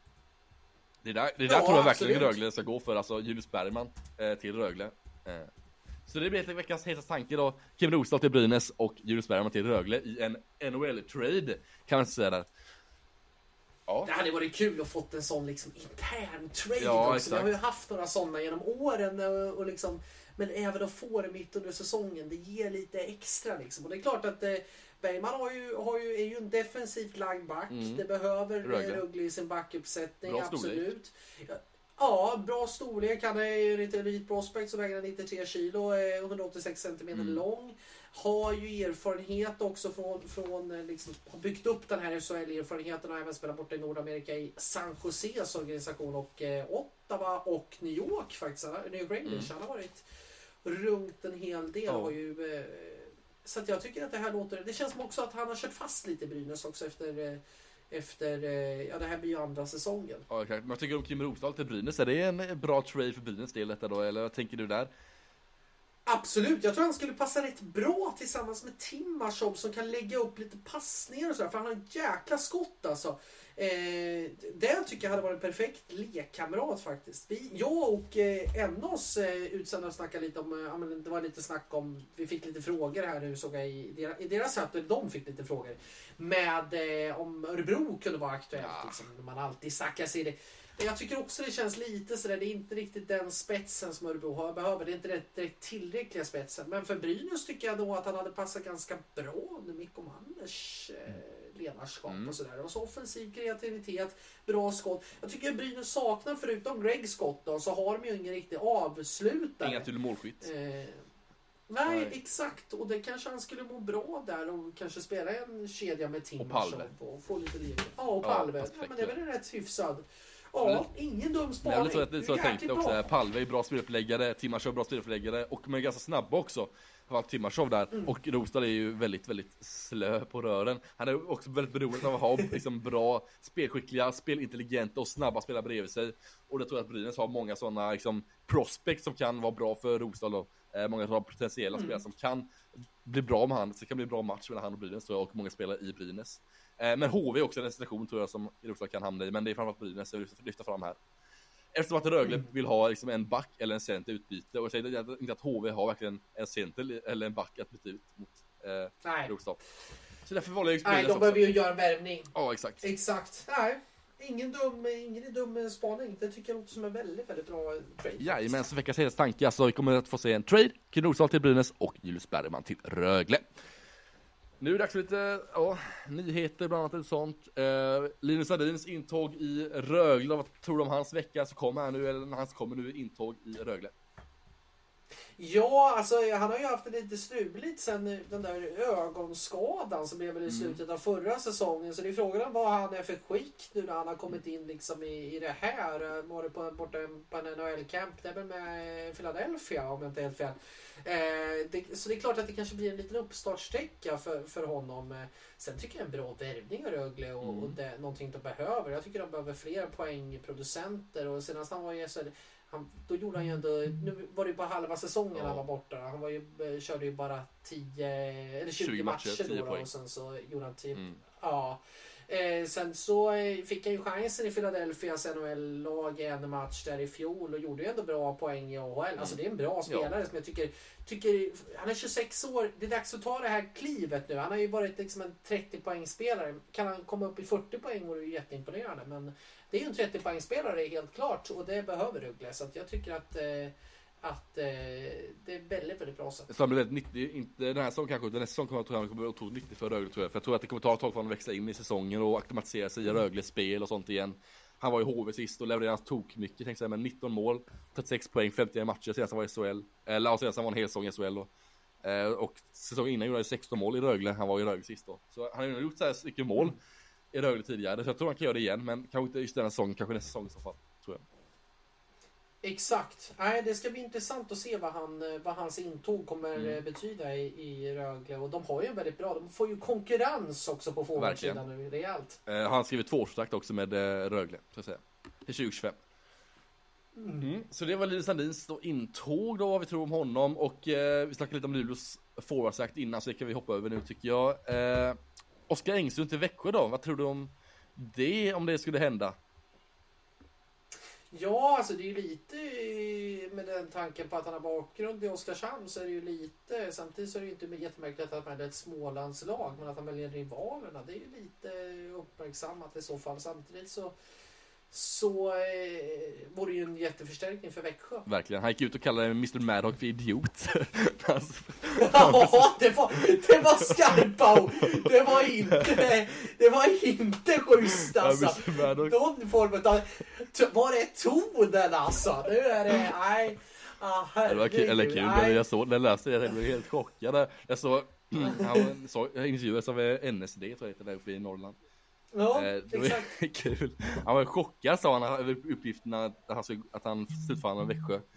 Eh, som Mr Maddox eh, skrev då på Sportexpressen innan. Eh, att eh, Oskar Engström förhandlar med Växjö då eh, nästa säsong. Ja, Mr. Man också ska säga är en, en av de trevligaste vi har i Mm. branschen också. Som jag stöter på ofta när jag är ute på arenor och liksom har ju en fantastiskt bra podd också med Sanny verkligen. Svensson. Så att det, det var lite hårda ord måste jag faktiskt Ja, säga. det kan jag Det var väldigt hårda ord. Men han Det eh, tok-dementerade kan man säga. Att han skulle till Växjö, Oskar Engström. Det var som när, när Alexander Ovechkin tyckte att, eh, att jag var stupid när jag såg på hockey-VM och intervjuade honom och frågade om, det, om eh, varför han inte hade presterat. Och sa att han skulle på semester och så tyckte han att jag, I, I was a stupid reporter. Så det, man kan få sina, sina, sina fiskar varma om man ställer lite tuffa frågor ibland. Så är det, men nu är det dags att lämna nyheter och sånt och gå in på veckans segment som är eh, vad jag kallar för eh, om jag vore förbundskapten för tre kronor heter segmentet denna veckan. Jag har tagit ut en landslagstrupp eh, som jag tycker Sverige och Sam Halland ska ta ut inför Karriär Tournament som startar nu 10 november. Låt Ja. höra, nu är jag riktigt Jag har tagit intresserad. ut tre målvakter, åtta backar och 14 forwards samt gjort eh, då kedjor också till detta. Så vi börjar som alla sportchefer gör, vi börjar bakifrån och så går vi framåt. Eh, och vi börjar med målsidan och tre målvakter som har tagit ut. Eh, det är ingen större chock tror jag inte, det är Linus Söderström, Skellefteå, eh, Marcus Högerberg i Li- Linköping och Anders Lindbäck i Brynäs. Låter inte omöjligt. Då i så fall Högberg första målvakt, Söderström andra målvakt och Lindbäck som är trevliga farbrorn på utvis tänker jag. Han har en bra karaktär tycker jag och när han var tredje målvakt i VM för ett år sedan då snackade många om att han bidrog med sån liksom, god energi och mycket skratt, positivitet och sånt tror jag man behöver liksom, i sådana här karriära tråkiga tournaments. Eller vad man nu vill kalla det. Eurotråk Hockey Tour, ja? Eurotråk, ja exakt. Så man man behöver lite så här Hockey Tour, glada, ja. positiva spelare som kan bidra mycket skratt ut på isen också. Som Anders Lindbäck kan göra, vad jag hört. Mm. Så därför var det Anders Men jag har också. ingenting att sätta emot. Jag tycker det är jättebra. Jonas Enroth är väl där Ja. uppe också. Nafsar eh, om man ska säga om någon skulle bli skadad Mm. som någon form av replacement om det finns. Men Som bubblare, bubblare, Enroth. Så, som bubblare ja, en klassisk Ja, bubblare. Journalistsnack. Tycker jag vi sätter honom. Ja, exakt. Exakt. Och backsidan då? Hur ser backsidan ut då i min la- landslagsuttagning? Jo, vi börjar eh, med William Wallinder, Lukas Bengtsson, Joel Persson, Theo Lennström, Henrik Tömmernes, Anton Lindholm, Filip Holm och Jonathan Pudas. Alltså vilken backuppställning! Alltså det är så det vattnas i munnen när jag ser den backuppställningen som jag har tagit ut där. Ah, otroligt. Alltså, det här, de här, alltså powerplay-valen i den, eller den uppställningen Alltså det finns ju så otroligt många Joel Persson, Lukas Bengtsson, Theo Lennström, Henrik Tömmernes, Filip Holm Alltså pur, alltså det finns fem, sex backar som kan vara och spela i powerplay och dominera där ah, det är ju en toppen, toppen uppställning. Alltså, det, Ja. det finns ingen som jag tycker saknas i, i Nej, Nej jag kommer inte, jag kommer inte den heller enkelt. Jag kommer inte heller på någon som kan vara bubblare till den här backsidan eh, Nej. I så fall, ja, Victor Löw är skadad nu tror jag i svenska ligan Annars, Ja, det är han. Han, är, han är åkte väl på det i, jag tror han är borta flera, någon månad här nu också. Så att det var det är åtta veckor och sånt där. Så att jag tror att det, det är lite för tufft för hans, hans del. Nej, men det, i SHL så tycker jag inte att det är någon Nej. som matchar. Det. Erik Martins, nej, eller skitsamma nu kör vi på vår sida istället Ja. Jag ändrade mig i halvvägs. Exakt. Ja men forwardsidan eller vi kör kedjorna tycker jag direkt Så jag första kedjan med Patrik Karlqvist, Dennis Rasmussen och Mattias Bromé Ja. Nej, det hade ju alltså Karlqvist och Ja, Bromé. hade någon ska kunna få fart på Mattias Bromé? Alltså jäklar, den där hade varit ruskigt Och fin. Bromé har haft jättebra inledning men jag tror alltså Bromé och Karlqvist passar så bra tillsammans tror jag. Så Bromé med sin skicklighet och sin, med sin speluppläggare men också ska ta avslut på egen hand. Karlqvist samma sak, så det är två balansspelare där när det gäller assist och poäng. Dennis Rasmussen är liksom loket i mitten, liksom den här tredje länken som verkligen drar detta- den här kedjan framåt och driver hela kedjan. Nej, alltså Dennis Rasmussen är också stekhet i svenska ligan, ska jag också säga. Ja, nej. Top notch. Mm. Top Notch första kedja. Låt höra Andra kedjan, Johan van Dalen, Johan Larsson och Fredrik Forsberg. Ja, den är inte dålig Nej. heller. Forsberg som skulle kunna gå in och smälla in grejer Exakt. i powerplay. Det hade ju varit fint. Bara, bara få liksom eh, axla en större roll där. Och sen Dahlén, eh, ganska bra liksom, kompletterande kedja med Dahléns eh, lekfullhet, Johan Larssons ansvarstagande. Ja, jag gillar det nog Det är så jag tänker typ så här, ska vara, det är inte så att de tre bästa spelarna i sin varje kedja, utan det är så här, det är spelare som kompletterar varandra bra tror jag. Liksom. Forsberg med sitt skott, Dahlén med sin spelintelligens och Johan Larsson med sin defensiva och arbetskapacitet som Rob Teke också kan vinna mycket dueller offensivt och skapa längre anfall. Och utrymme för Dahlén och Forsberg. Det är så jag tänker när det gäller andra kedjan. Exakt. Och vi en kedja som har kopierat rakt av av ett SHL-lag. Och det är ligans hetaste kedja, ska jag ändå säga. Rickard Hugg, Johan Jonsson och Oskar Möller i en tredje kedja såklart. Ah, det hade ju varit... Ja, det det, det, känns lite tuff konkurrens när man sätter Oskar Möller i en tredje kedja Ja. med den formen han har haft. Alltså, men det, nej, och de, de skulle spela tillsammans. Alltså, Alltså jag vill se den kedjan i landslaget alltså. Det är alltså otroligt, otroligt kul att se Ja. den som en tredje kedja i landslaget. Alltså det är så fantastiskt bra kedja är det ju på SHL-nivå så det är löjligt alltså. Så det är, en- se den kedjan Ja. i de här roliga Karriär Tournament. Det vill man inte missa. Fantastiska Ja, Karjala när man går upp klockan 10 för att titta Ja, första är matchen på söndagen där. När man ser i Sverige mot Tjeckien i någon liten håla där i Pardubic, det finns inget bättre man kan vakna upp till. Klass, klassisk hockeyort. Kommer du ihåg nå- för några år sedan när det var någon supporter, någon finsk supporter inne i Hartwall som stod och skrek Var är Jörgen Jönsson? Så det hördes, hördes över hela, rakt ut i sändningen. Ja, fy fan vad episkt. är- Låt höra fjärde kedjan. Fjärdekedjan då, Gnuggarkedjan, vad kallar den? Max Friberg, Linus Johansson och Dennis Everberg. Som 13 forward, Anton Lander, 14 forward, Glenn Gustafsson. Ja, nej jag tycker också det. Alltså tydliga roller, bra fördelat, bra liksom uppsida, kan hota offensivt och Everberg kan ju göra tvåvägsjobb. Så att det, det, Bra i powerplay också. Jag tycker Framför det, kassen. Exakt. Så viktigt där också. Friberg med sin Exakt. energiska och hårda jobb och Linus Johansson med sina bra tekningar och sitt hårda driv och sin kraftfullhet. Alltså det är bra kedja. Så Anton Lander kom in där också med en bra karaktär, 13 forward. Kan komplettera lite och eh, ja men gör lite, Anton Lander är bra också, han spelar liksom i varje kedja tycker jag. Han spelar första kedja med Karlqvist Bromé, spelar andra andrakedja med eh, Dahlén och Forsberg, liksom Spela i en tredje kedja också om han vill och en fjärde kedja. Så han kan liksom komplettera på ett bra sätt. Om någon blir skadad så kan han gå in där och verkligen balansera den rollen och göra det till sin bästa. Mm. Nej, men Linus Johansson känns ju som en sån där spelare. Alltså, får du punka på autobahn ute på eh, liksom, motorvägen och det går åt helvete och det regnar och allting är skit. Det känns ju som att man vill ha honom i baksätet och liksom bara fixa fram. Han kan fixa fram allting. Så att, eh, nej, Mm. jag tycker eh, hela din uppställning tycker jag känns eh, fantastiskt Och sen har säga. succéspelare då, Glenn Gustafsson som 14 forward. Kan bra fan komma in nu, han är ganska ung fortfarande och kan komma in, få lite, SO eller få lite rutin från landslaget, få några meriter på CVt. Eh, och få som ser liksom hur det fungerar i landslaget så kan bra fan i framtiden, Mm. tänker jag.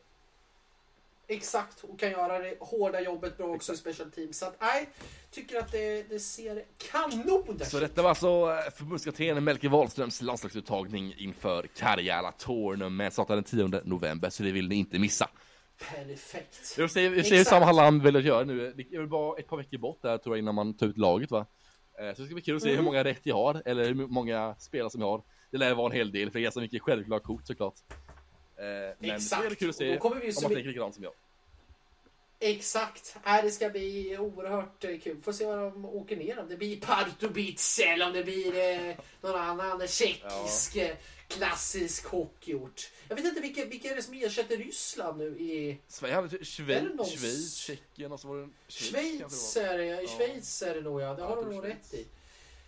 Ja. Ja, då kanske de... Jäkla fint att åka ner till Genève. eller. Lugano. Det var- Det var Lu- Lugano, Ja, nere vid ita italienska kusten där, nere vid, Milano nästan. Bara det, att, eh, det är bara det att studiebidraget ryker ju så fort du bara sätter din fot på eh, flygplatsen. Så är så det att, eh, ju. Så är det. Ska vi köpa, ska vi köpa en Big Mac en gång i, i Zürich för mellanlandade vi åkte hem från Ma- Mallorca Ja. för några år sedan. Ja, då kostade Big Mac 180 kronor. Det var, det var tufft. Ja.